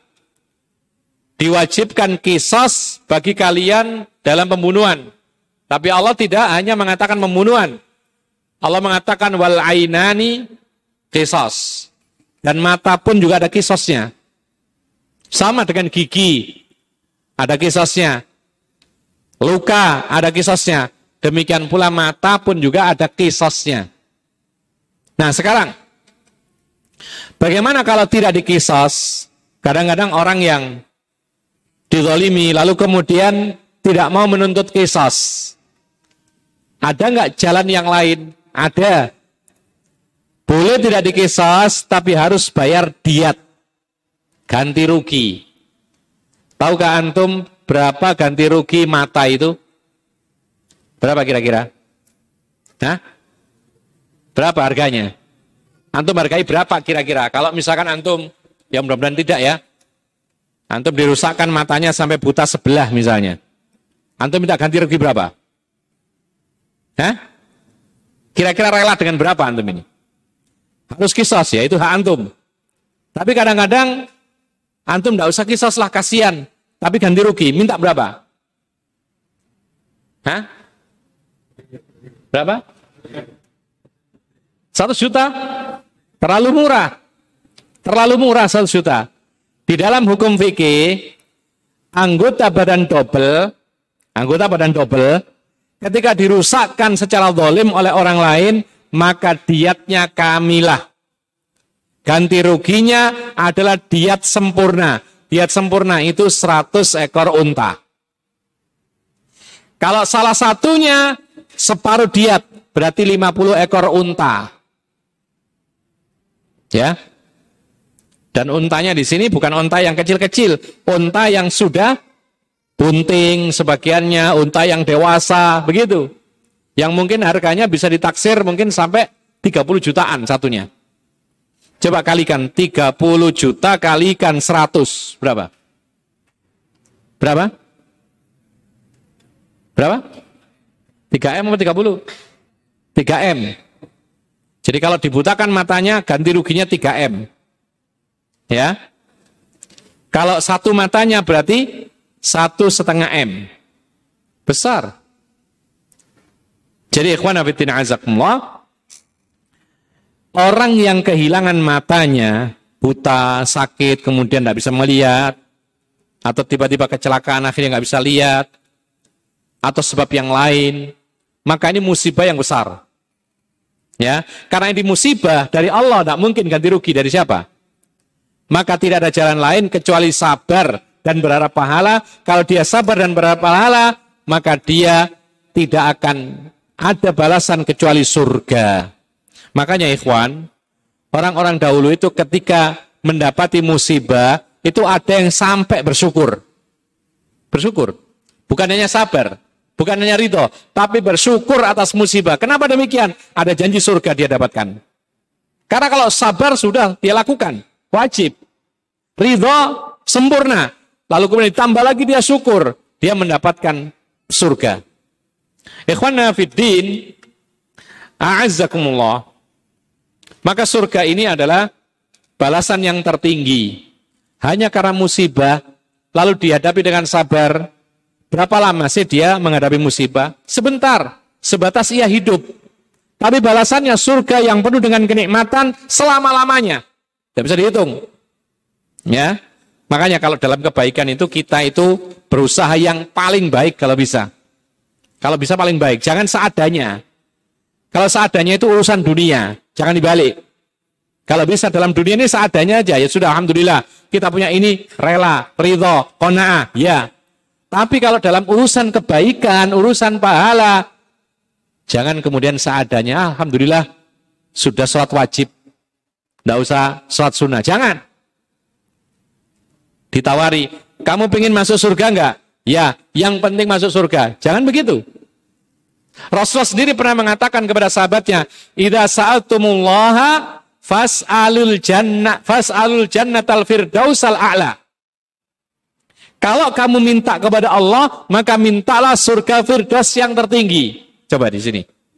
Padahal sahabat Nabi biasa saat itu. Tapi disuruh minta kepada Allah surga yang tertinggi. Surga Firdaus itu tempatnya Rasulullah. Disuruh minta itu. Padahal siapa sih manusia biasa kadang-kadang berdosa. Tapi kalau yang namanya kebaikan, minta yang maksimal. Ya, sama dengan kebaikan-kebaikan yang lain. Antum sholat, jangan, ah yang penting sholat wajib saja. Jangan. Kalau bisa sempurna. Yang sunnah-sunnah dilakukan semua. Kan gitu.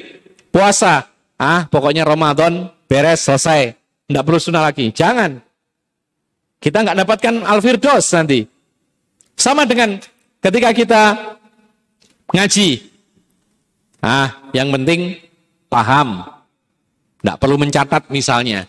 Ini kurang maksimal. Ya. Ah, yang penting ngaji maghrib saja, nggak perlu yang lain-lain. Kurang.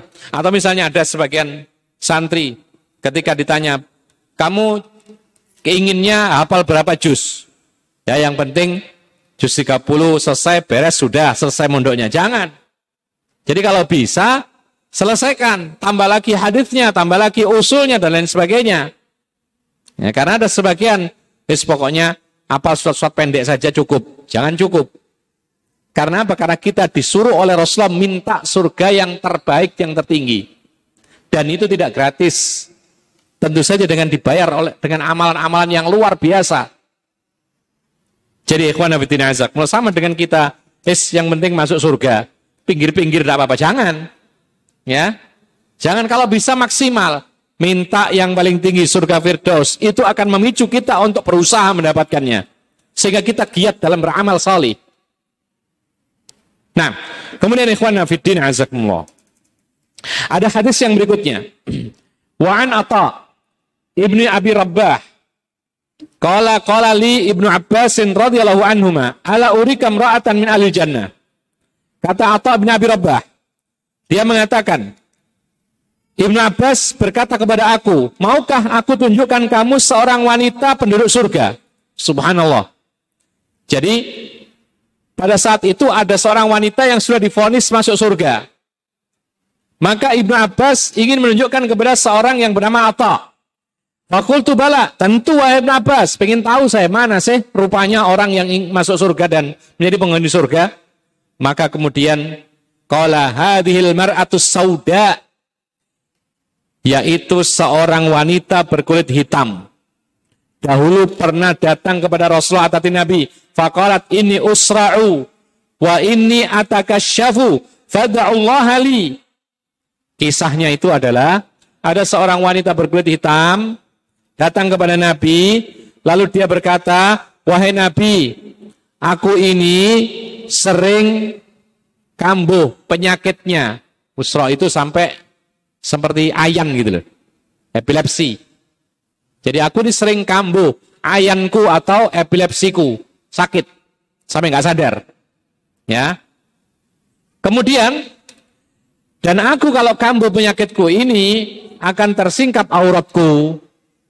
Maka doakan kepada Allah supaya aku ini sembuh. Apa kata Rasulullah?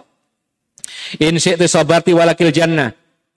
Wahai wanita, kalau kamu sabar, kamu pasti dapat surga. Wa in syi'ti da'autullaha an yu'afiyaka. Tapi kalau kamu mau, saya doakan supaya kamu sembuh, pasti sembuh. Tapi masalahnya nggak ada jaminan surga. Bagaimana ini?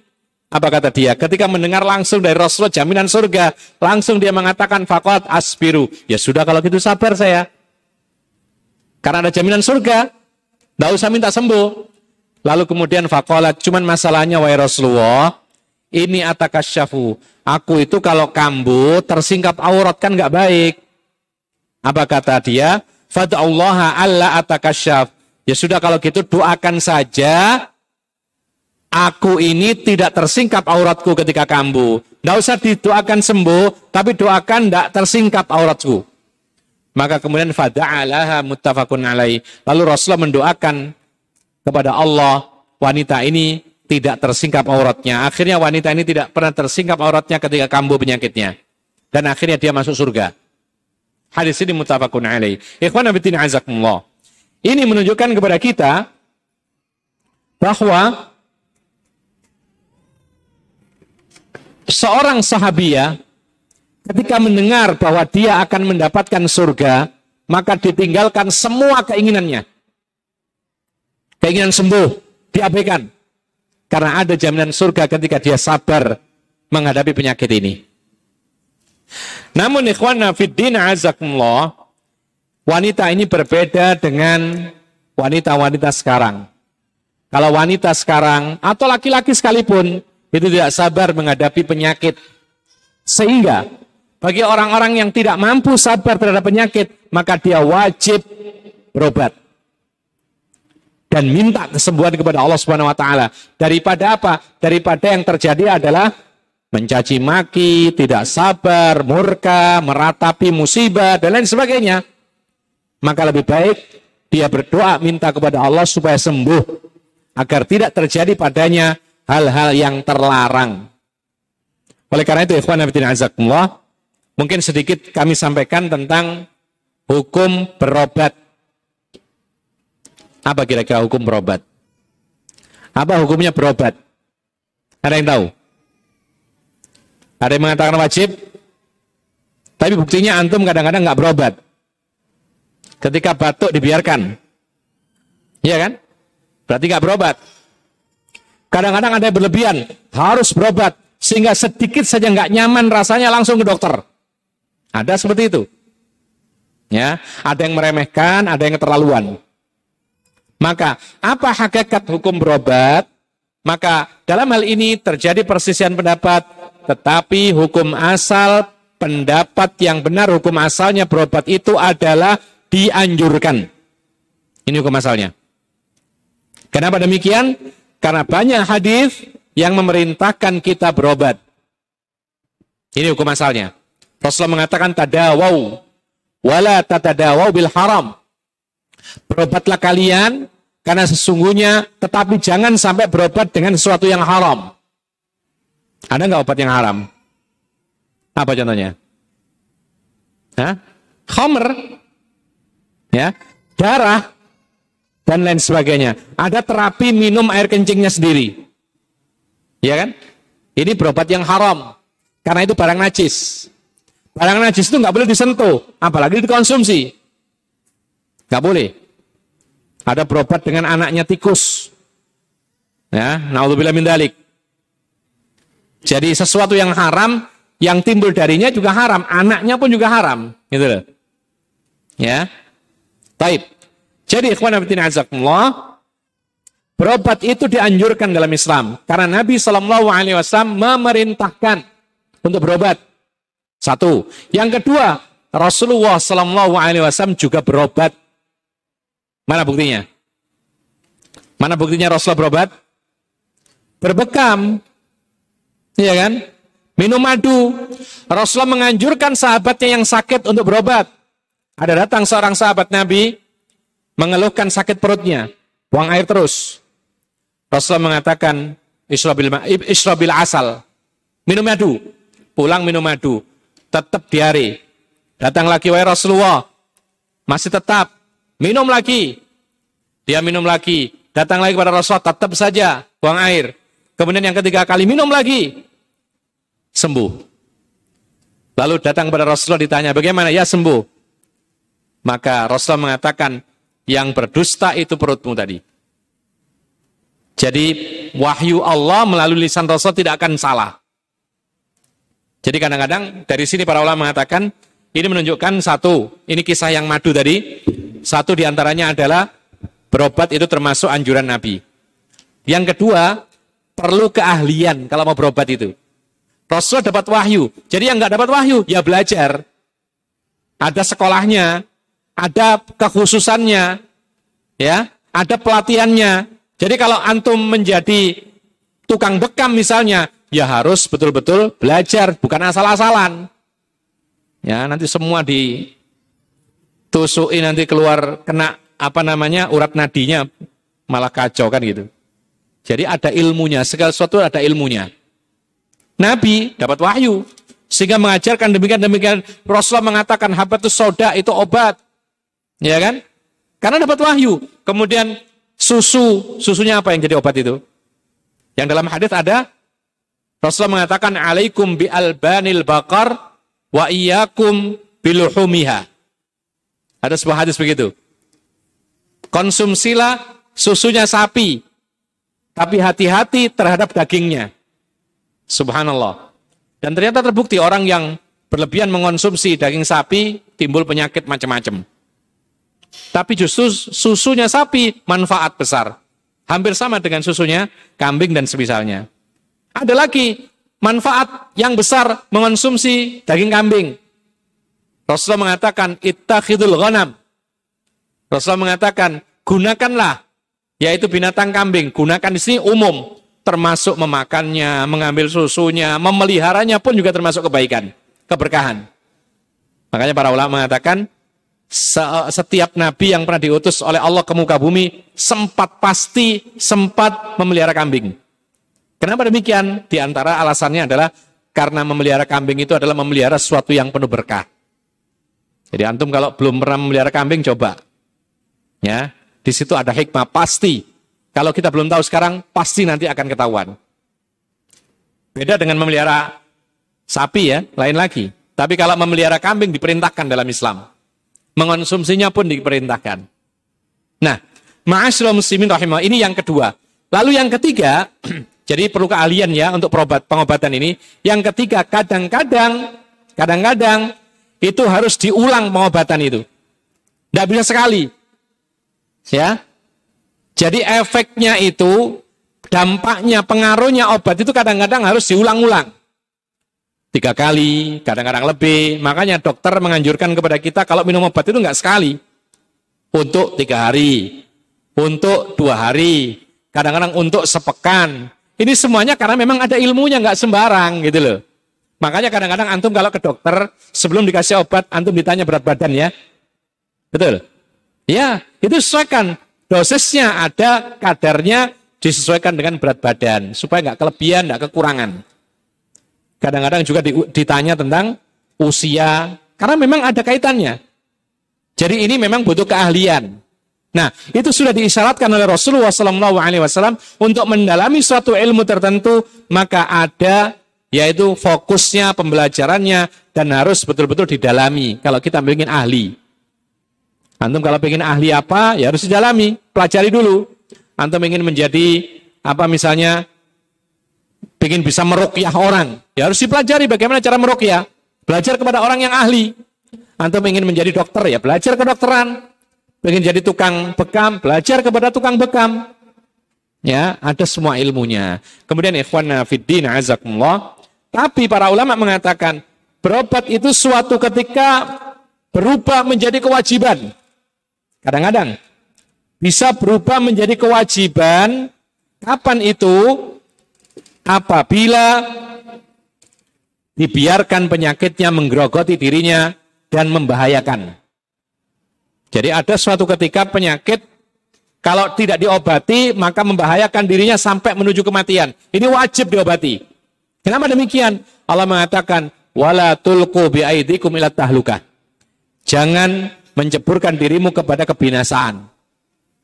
Jadi berobat, kalau itu tidak dilakukan maka mengantarkan kepada mara bahaya sampai kematian, maka berobat menjadi wajib. Tentu saja kalau mampu. Contohnya penyakit apa? Kalau nggak diobati akan menggerogoti dan akhirnya mengakibatkan kematian. Penyakit? Penyakit apa? Misalnya kanker, tumor, apa? Jantung. Kalau kalau nggak diobati maka membahayakan dan mengakibatkan kematian. Maka wajib karena Rasul memerintahkan dan Allah melarang kita mengadakan suatu mudarat. Lalu demikian pula apabila dibiarkan penyakit itu membuat kita lemah sehingga kita tidak bisa menunaikan kewajiban. Tapi kalau diobati kita lebih baik dan bisa menunaikan kewajiban. Maka wajib diobati karena apa?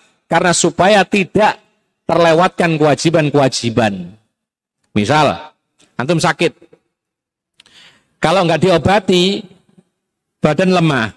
Sehingga tidak bisa apa? Tidak bisa memenuhi nafkah anak istri. Padahal ini kewajiban. Kalau diobati, bisa nyari nafkah. Maka wajib bagi dia untuk berobat Kenapa demikian? Kalau tidak memudorotkan orang lain. Kemudian ikhwan fiddin azakumullah.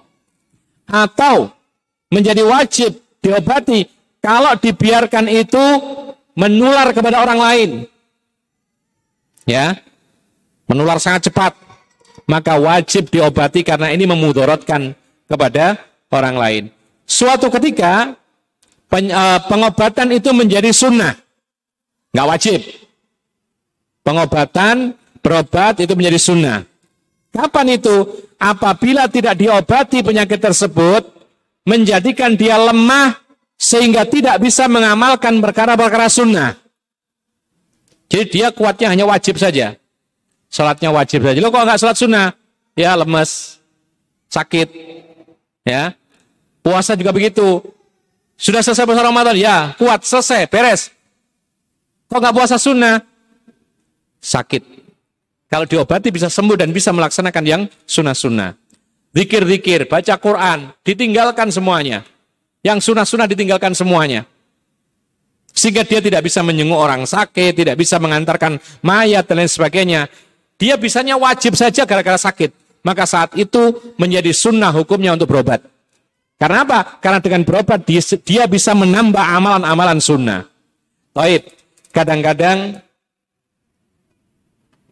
berobat itu menjadi mubah. boleh berobat, boleh tidak. Dan ini kadang-kadang kita sebenarnya kita kadang-kadang mengalami sering. Jadi kita ini kadang berobat, kadang enggak. Apa itu? Apabila dibiarkan ya penyakit tersebut misalnya ringan dan tidak akan mengurangi wajib dan sunnah. Seperti misalnya apa flu biasa, batuk-batuk sedikit, ya, pusing, pusing yang sedikit ya.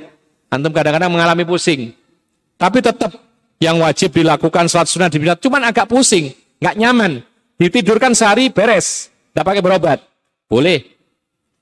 Diobati boleh nggak? Ambil obat diminum sembuh, boleh nggak? Boleh juga. Karena apa? Karena penyakit seperti ini, sakit-sakit yang ringan, yang tidak akan mengurangi wajib dan sunnah. Maka hukumnya boleh berobat dan boleh tidak.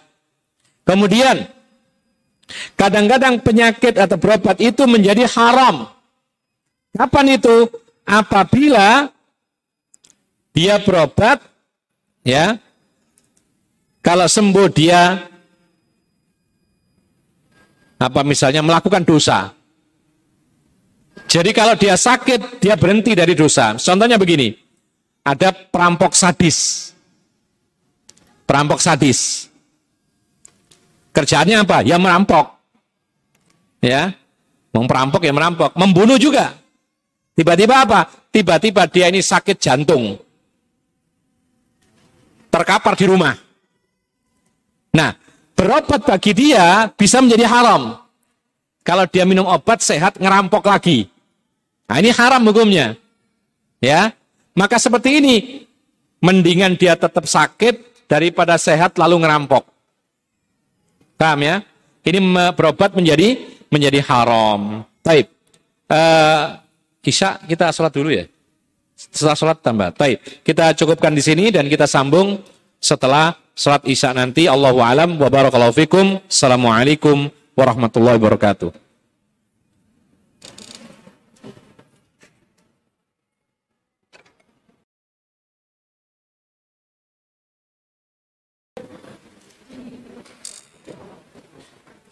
Assalamualaikum warahmatullahi wabarakatuh. Bismillahirrahmanirrahim. Alhamdulillah wassalatu wassalamu ala rasulillah wa ala alihi wa sahbihi wa mawalah amma ba'd. Muslimin, para hadirin dan hadirat yang dimuliakan oleh Allah Subhanahu wa taala. Tadi sebelum sholat kita sampaikan tentang macam-macam hukum berobat. Tapi hukum asalnya adalah termasuk perintah agama. Karena Nabi memerintahkannya. Tapi suatu ketika bisa menjadi wajib, bisa menjadi sunnah, bisa menjadi mubah, bahkan bisa menjadi haram. Dan tadi kita contohkan, Apabila ada orang sakit, ketika diobati sembuh kemudian berbuat dosa, maka lebih baik dia tidak berobat. Bahkan menjadi haram berobat kalau dipastikan dengan kesembuhan itu, dia kemudian melakukan perbuatan dosa. Kita lanjutkan. Hadis yang berikutnya yaitu nomor 36. Wa an Abi Abdurrahman Abdullah bin Mas'ud radhiyallahu an qala ka'anni anzuru ila Rasulillah sallallahu alaihi wasallam yahki nabiyyan minal anbiya salawatullahi alaihi wa salamuhu alaihim Dharabahu qaumuhu fa'admauhu wa huwa yamsahu dama an wajhihi yaqulu Allahumma ighfir li qaumi fa innahum la ya'lamun muttafaqun alaih Ini sebuah hadis yang agak kita katakan ya agak lucu ya karena Rasulullah menceritakan dirinya sendiri. Dari Abdurrahman Abdullah bin Mas'ud. Jadi sahabat Nabi bin Mas'ud itu namanya Abdurrahman. Beliau mengatakan Ka'anni angduru ila Rasulillah yaki. Suatu ketika aku melihat Rasulullah sallallahu menceritakan tentang seorang nabi. Jadi Nabi cerita tentang Nabi yang dipukuli oleh kaumnya sendiri, lalu sampai berdarah, sampai dia mengusap darahnya dari wajahnya, tapi dia mengatakan, Allahumma gfir li qaumi fa innahum la ya'lamun. Ya Allah, ampunilah kaumku ini karena mereka belum tahu. Jadi Rasulullah ini menceritakan seorang nabi padahal dia itu nabi itu adalah dia sendiri. Dan kisah ini terjadi ketika selesai atau setelah wafatnya Abu Talib, pembelanya Nabi Shallallahu Alaihi Wasallam, lalu tidak lama kemudian wafat Khadijah. Maka terjadilah saat itu dikenal dengan Amul Huzn, tahun kesedihan, berlipat-lipat. Jadi pendukungnya atau pelindungnya meninggal dunia, pendukung terhebatnya meninggal dunia. Maka saat itu permusuhan kaum Quraisy semakin besar. Sampai termasuk ada yang sampai disiksa Ammar bin Yasir ya, sampai ada seorang wanita dari mereka ditombak lalu sampai meninggal dunia di bagian kemaluannya. Maka Rasulullah SAW mendengar ada suatu tempat yang bagus, tempatnya subur, maka dia berangkat menuju Taif yang dahulu namanya Thaqif. Dulu namanya Thaqif, kemudian sekarang dinamai Taif. Ya, tidak jauh dari Mekah sekitar ya kalau perjalanan darat itu sekitar satu jam atau kurang sedikit mungkin sampai 100 kilo atau 110 kilo. Maka Rasul perjalanan ke sana, maka sampai di Taif, Rasulullah mendakwai. Beliau berharap dia bisa tinggal aman di sana, tidak mendapat gangguan dari kaum Quraisy di Mekah, tapi sambil berdakwah. Maka ditawarkan Islam kepada satu kabilah ditolak. Kemudian bertemu dengan pemimpin kabilah yang lain di Taif ditolak, ditolak, ditolak. Akhirnya tidak ada satupun yang menerima. Kemudian para pembesar Taif ini menghasut orang-orang awam dan anak-anak kecil. Supaya apa? Supaya mengusir Nabi Muhammad. Maka kemudian anak-anak kecil dan orang-orang awam mengusir Nabi Muhammad dengan lemparan batu. Mengenai wajah Nabi, mengenai kaki Nabi, sampai berdarah. Sampai akhirnya Rasulullah pingsan di sebuah kebun kurma.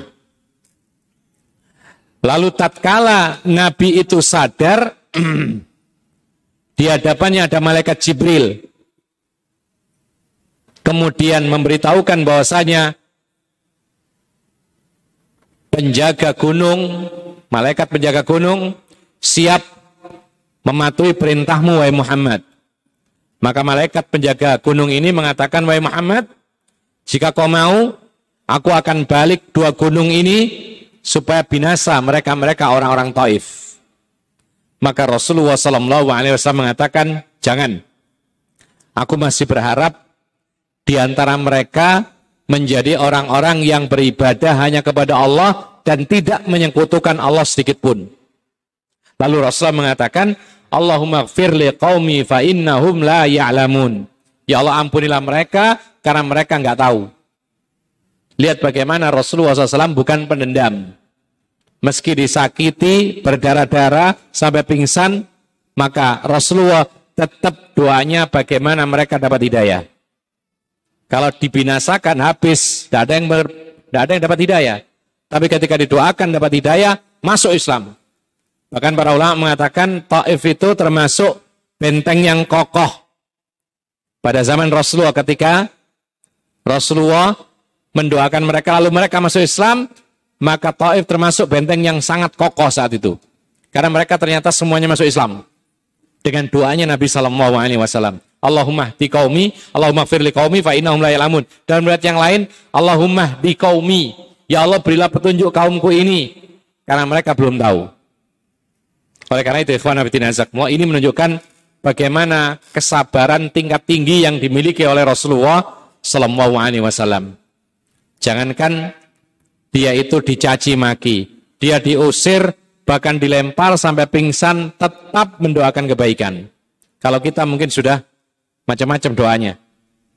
Ya, jangankan dilempar, baru diomongi nggak enak, langsung balas nggak enak. Itu kita. Tapi Rasulullah SAW akhlaknya luar biasa.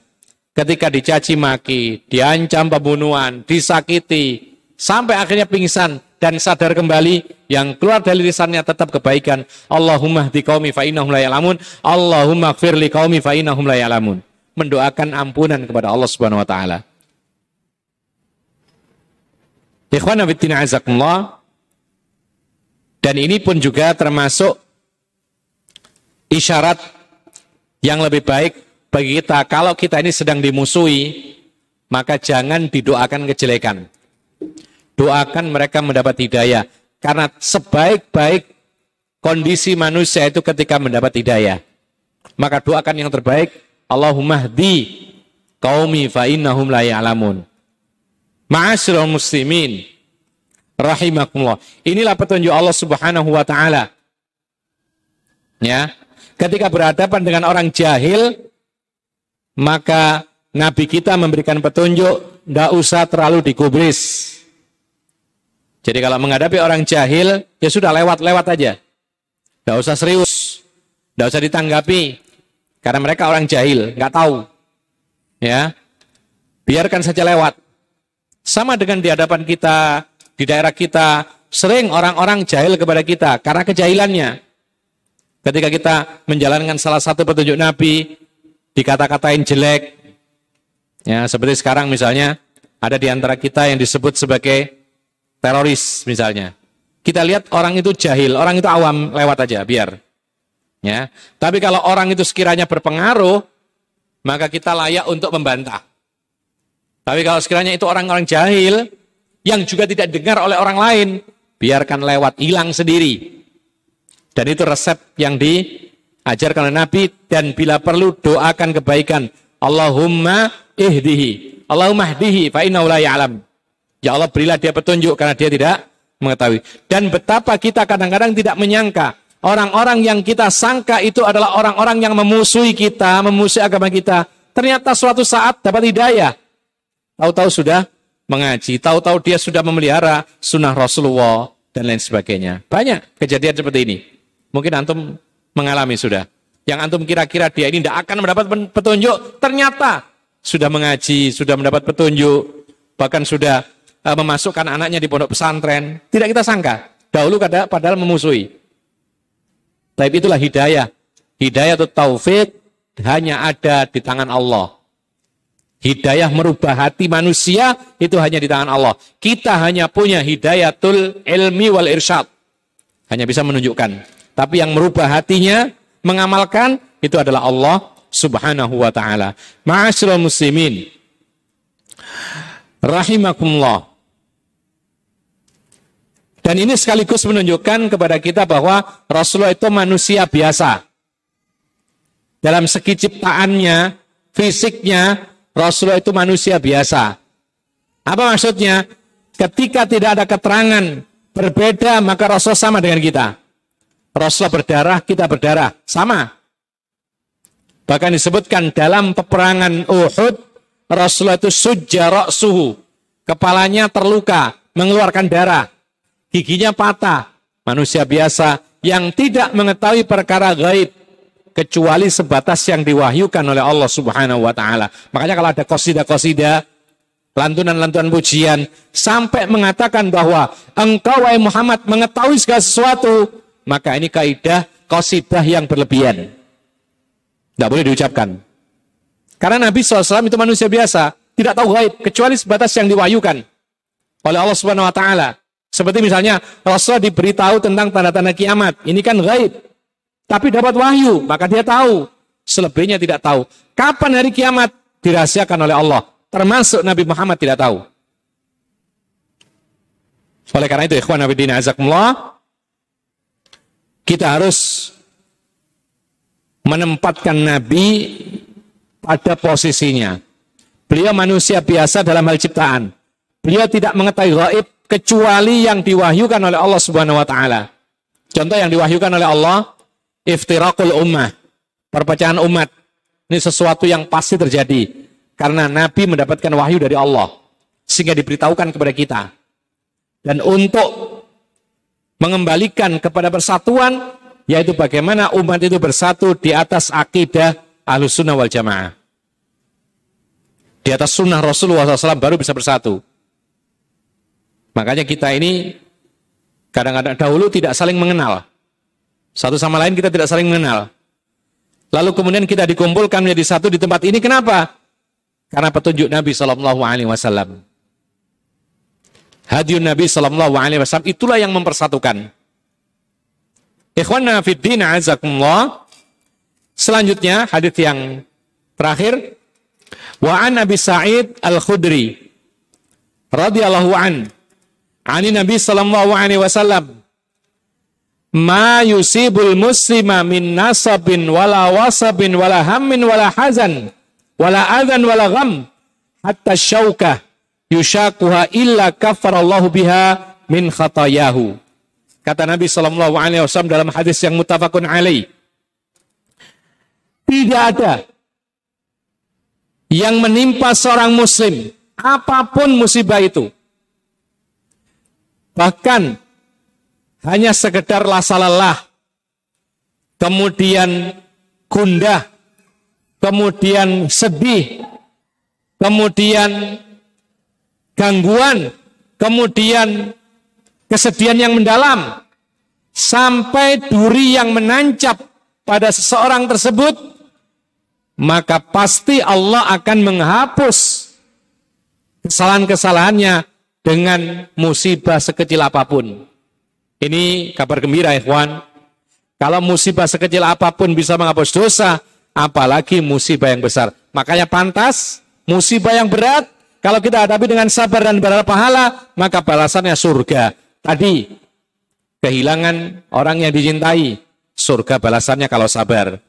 Kehilangan panca indera, mata misalnya, surga. Apa pun musibah berat, balasan surga. Demikian pula, sekecil apa pun musibah, bahkan rasa lelah sekalipun, itu kan musibah. Kalau kita lelah kan kita tidak bisa aktivitas, musibah. Maka kalau kita sabar, berharap pahala, maka itu bisa menghapus dosa. Ikhwan, Dosa kita ini banyak. Dosa kita ini banyak, bahkan sangat-sangat banyak. Setiap hari kita ini berdosa. Entah yang lisan, entah mata, entah telinga. Ada saja. Kadang-kadang secara tidak sengaja. Lalu telinga kita ini mendengar, tadinya nggak suka, lama-lama suka juga. Dosa. Karena itu tidak layak untuk didengar. Mata juga demikian. Tadinya kita ini tidak suka, karena itu dosa, perbuatan haram. Tapi karena sering lewat, akhirnya biasa, akhirnya menikmati dosa. Lisan pun juga demikian. Hati kadang-kadang berangan-angan sesuatu yang tidak diperbolehkan. Dosa. Maka dosa yang sangat banyak ini pantas dikatakan oleh Nabi SAW, Kullu bani Adam kata. Setiap anak Adam itu sering bersalah. Makanya butuh penghapus dosa.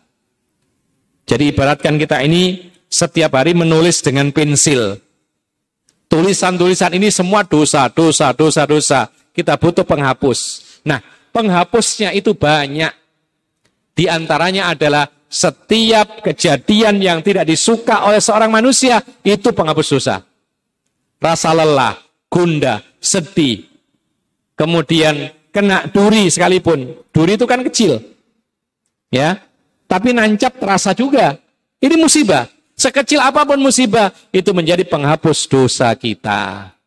Oleh karena itu, ikhwan azakumullah, maka tidak ada kata lain seperti ini, kalau demikian adanya, kalau kita kena musibah apa pun, baik besar ataupun kecil, atau sekecil apa pun, kalau kita ingin musibah itu bermanfaat buat kita, maka hadapilah dengan kesabaran. Kalau musibah-musibah kecil itu kita hadapi dengan sabar, maka bisa menghapus dosa kita. Maka apabila musibah itu besar, akan memasukkan kita ke dalam surga apabila kita hadapi dengan kesabaran. Ma'asyiral muslimin rahimakumullah. Itulah yang bisa kita sampaikan materi kita pada malam hari ini. mudah-mudahan bisa kita pahami dan bisa kita amalkan dalam kehidupan sehari-hari. Dan sisa waktunya kita berikan kesempatan untuk pertanyaan yang perlu disampaikan. Kami persilahkan kalau ada. Silakan kalau ada. Sambil menunggu pertanyaan. Silakan.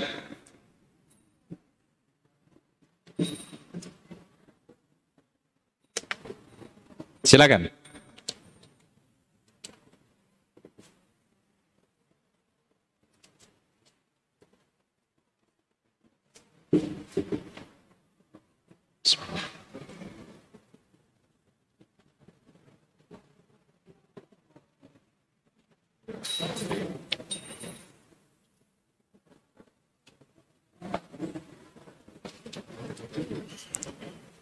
Gak ada.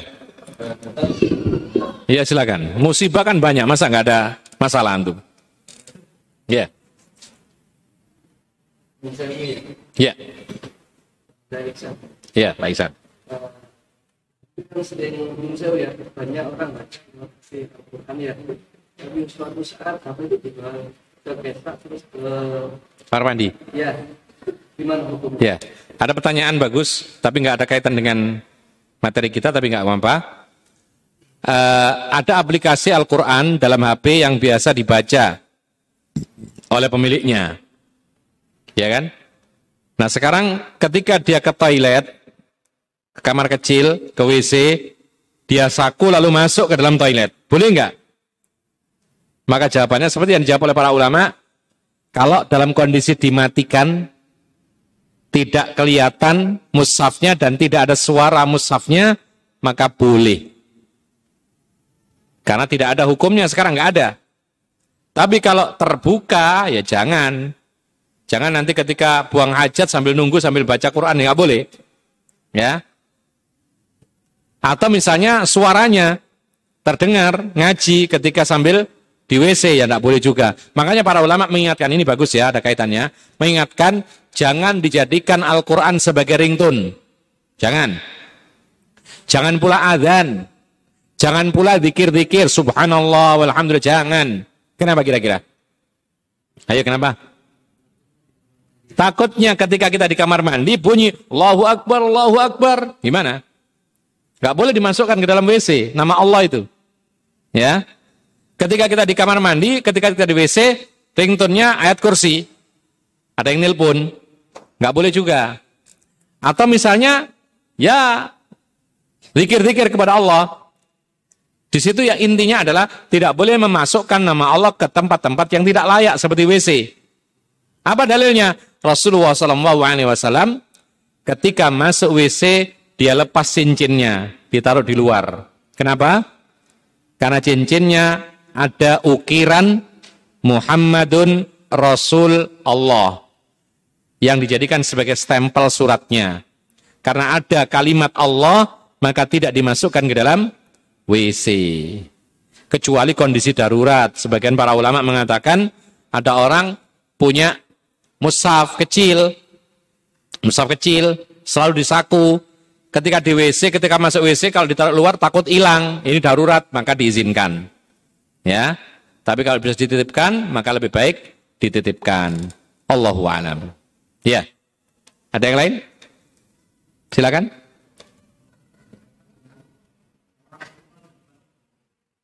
orang tua dan panti jompo.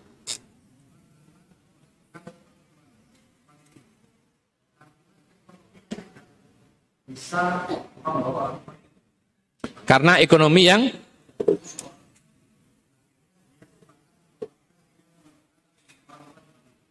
Ah. Sebentar, sebentar. Karena ekonomi, lah kita jompo kan bayar juga. Oh enggak. Taib. Taib, taib. Hasan. Ah.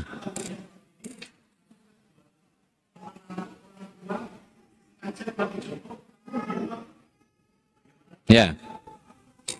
Yang kedua jelas gak boleh ya. Meletakkan orang tua di pati jompo padahal dia mampu untuk menampung orang tuanya. Ya. Sebenarnya istilah menampung ini kurang baik juga ya. Karena tidak layak orang tua itu dikatakan ditampung oleh anaknya. Justru anaknya numpang ke orang tuanya. Ya. Syekh bin Bas ketika ada orang bertanya dia mengatakan, "Wahai Syekh, ibuku menumpang di rumahku." Syekh kaget. Dia mengatakan, "Apa? Ulangi lagi." Ibuku menumpang di rumah orang tua eh, di rumahku. Diulang lagi, "Apa?" Sampai tiga kali, maka dia katakan, "Ini tidak benar." Kenapa demikian? Tidak layak dikatakan ibu menumpang, anak menumpang orang tuanya. Karena apa? Karena Rasulullah mengatakan, "Anta wa maluka liwalidika." Kamu dan orang tuamu itu milik orang tuamu. Jadi kamu itu ada karena orang tuamu. Harta yang kau miliki itu ada hak orang tuamu. Jadi kalau seandainya orang tua tuh ngambil hartamu, dia punya hak. Makanya kita harus berbakti kepada orang tua tanpa melihat kondisi orang tua baik atau buruk. Itu perintah Allah. Kan tidak ada dalam Al-Quran. Berbaktilah kepada orang tuamu yang berbuat baik kepadamu. Kan tidak ada gitu. Tapi berbuat baiklah kepada orang tuamu. Bagaimanapun kondisi orang tuamu. Bahkan kafir sekalipun tetap berbuat baik. Yang tidak dipatuhi adalah perintah-perintah dosa dan maksiat. Jadi yang jawaban yang kedua dulu, jelas tidak boleh meletakkan orang tua di panti jompo padahal anak mampu untuk merawat orang tuanya. Nah sekarang masalahnya adalah bagaimana kalau anak itu meletakkan orang tua di panti jompo karena ketidakmampuan merawat orang tuanya. Kita katakan tetap tidak layak. Tetap tidak layak orang tua itu layaknya ya dijadikan sebagai orang tua yang dihormati. Dan termasuk menghormati, merawat mereka sebagai balasan kita. Ingat, bagaimana besarnya perbuatan baik kita kepada orang tua belum bisa membalas jasa orang tua kita, terutama ibu.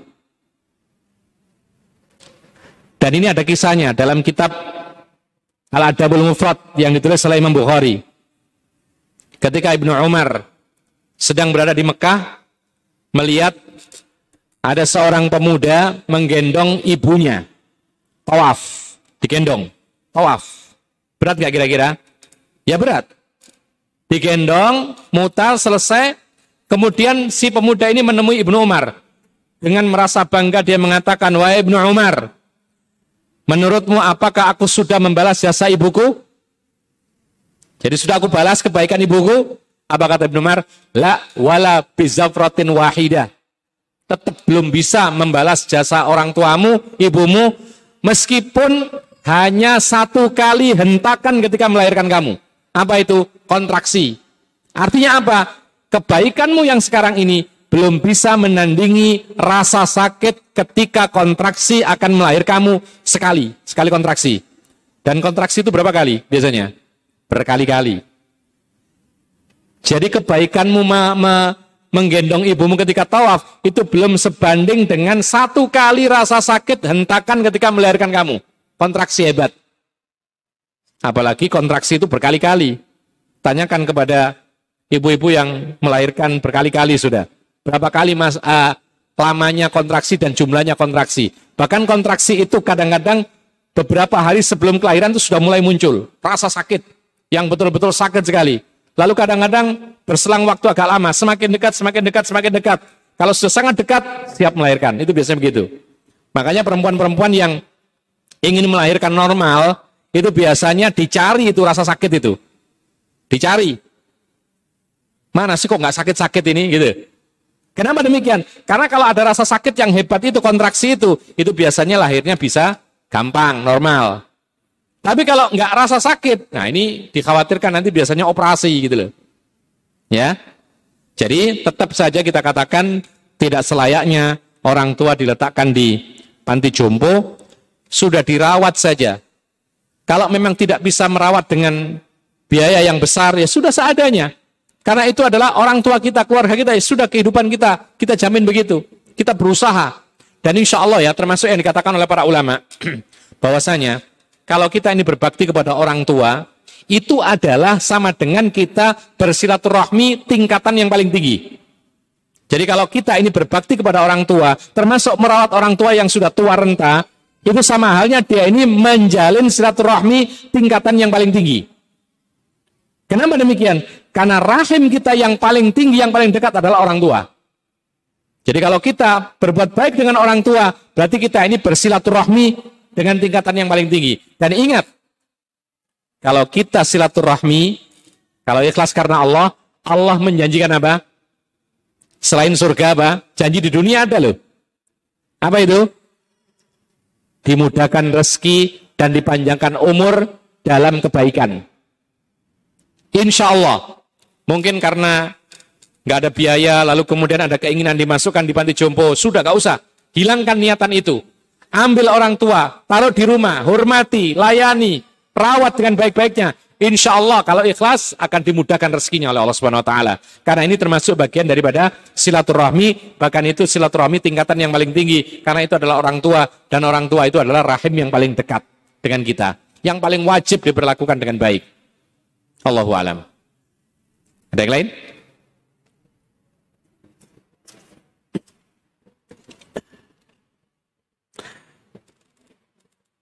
Bismillah, bagaimana hukumnya jika di dalam rumah masih terdapat gambar-gambar seperti di buku, spray, atau boneka anak-anak yang terkadang masih tergeletak di ruangan. Apakah malaikat rahmat juga tidak akan masuk dalam rumah meskipun sudah tidak ada pajangan atau foto makhluk yang bernyawa. Baik. Adapun gambar-gambar seperti di spray, ya di spray, kalau bisa dipotong. Kalau bisa dipotong. Dijadikan sarung bantal atau sarung guling. Sehingga? Sehingga tidak utuh lagi. Ini solusi yang pernah dicontohkan oleh Rasulullah SAW. Ketika ada tirai gambar makhluk bernyawa, kemudian diambil, dipotong, dijadikan sarung bantal dan yang semisalnya. Ya, ini boleh. Kemudian di sini seperti di bu, dia mana ini? Di buku. Apabila di buku, selagi tidak dibuka, ya, maka insya Allah tidak masalah. Apalagi itu adalah bukan gambar tulisan tangan. Ini yang nggak boleh. Kalau misalkan foto, sebagian para ulama membedakan. Yang penting tidak dipajang. Maka ini dibolehkan. Ya. Kemudian boneka anak-anak. Kalau urusan anak-anak berbeda dengan orang dewasa. Kalau memang di situ ada anak loh ya. Kalau ada boneka tapi nggak ada anak-anak ya nggak boleh. Jadi Rasulullah SAW mengizinkan Aisyah bermain boneka. Bahkan disebutkan dalam Fathul Bari, boneka itu bentuknya semacam kuda, tapi ada sayapnya. Kan makhluk bernyawa. Di hadapan Rasulullah dimainkan dan Rasulullah diam. Maka para ulama mengatakan, Qad malam kibar. Diringankan hukum untuk anak-anak Sementara untuk orang dewasa tetap tidak boleh. Makanya boneka boleh untuk anak-anak, orang dewasa tidak boleh. Makhluk hidup untuk orang dewasa tidak boleh. Jadi pajangan-pajangan patung apa gitu tidak boleh. Harus dibuang. Tidak boleh dijual ya. Harus dibuang. Jadi para malaikat tidak masuk ke dalam ruangan yang ada gambar bernyawa yang kelihatan atau ada anjingnya. Allahu alam. Kemudian, ya yang penting tidak dipajang ya tadi ya. Tapi kalau misalkan boneka itu untuk orang dewasa ya tetap tidak boleh. Karena yang diizinkan hanya untuk anak-anak kecil saja. Allahu alam. Termasuk di antaranya adalah anak-anak main robot-robotan. Kan ada bentuknya itu. Kalau memang itu untuk mainan anak-anak maka ini diberikan keringanan dibolehkan. Allahu alam. Jika kita tidak tahu arti sabar adalah penghapus dosa, sehingga kita menyikapi musibah dengan tidak sabar, bagaimana hukum Ustaz? Ya belajar, ya, ajak belajar. Jadi kalau memang belum sampai kepadanya, ya, maka bisa jadi dia dapat ulur. Cuman masalahnya adalah kenapa dia tidak mencari tahu apa maknanya sabar. Tapi masa sih nggak ngerti arti sabar itu kan ringan. Sabar ya menahan diri dari hal-hal yang negatif. Ketika ada musibah, ketika ada sesuatu yang membuat dia murka, dia sabar menahan diri. Itu artinya, insya Allah orang tahu kalau arti makna secara umum sabar itu insya Allah tahu. Artinya apa? Sabar ya tidak marah, tidak apa namanya? Tidak berontak. Ini sabar, orang tahu semua. Tapi makna detailnya adalah menahan diri dari perbuatan yang tidak layak, baik itu hati, lisan, mata, telinga, tangan, kaki, dan seterusnya. Jadi kalau memang betul-betul tidak tahu karena memang belum pernah mendengar, bisa jadi dia mendapat udur sehingga tidak berdosa. Tapi kewajibannya adalah dia belajar. Allahu alam. Mungkin ini yang bisa kita sampaikan. Mudah-mudahan bermanfaat. Wa akhiru da'wana anilhamdulillah rabbil alamin. Wassalamualaikum ala nabiyina Muhammadin wa ala alihi wa sahbihi ajma'in. Subhanakallahumma bihamdika asyhadu an la ilaha illa anta astaghfiruka wa atubu ilaik. Wassalamualaikum warahmatullahi wabarakatuh.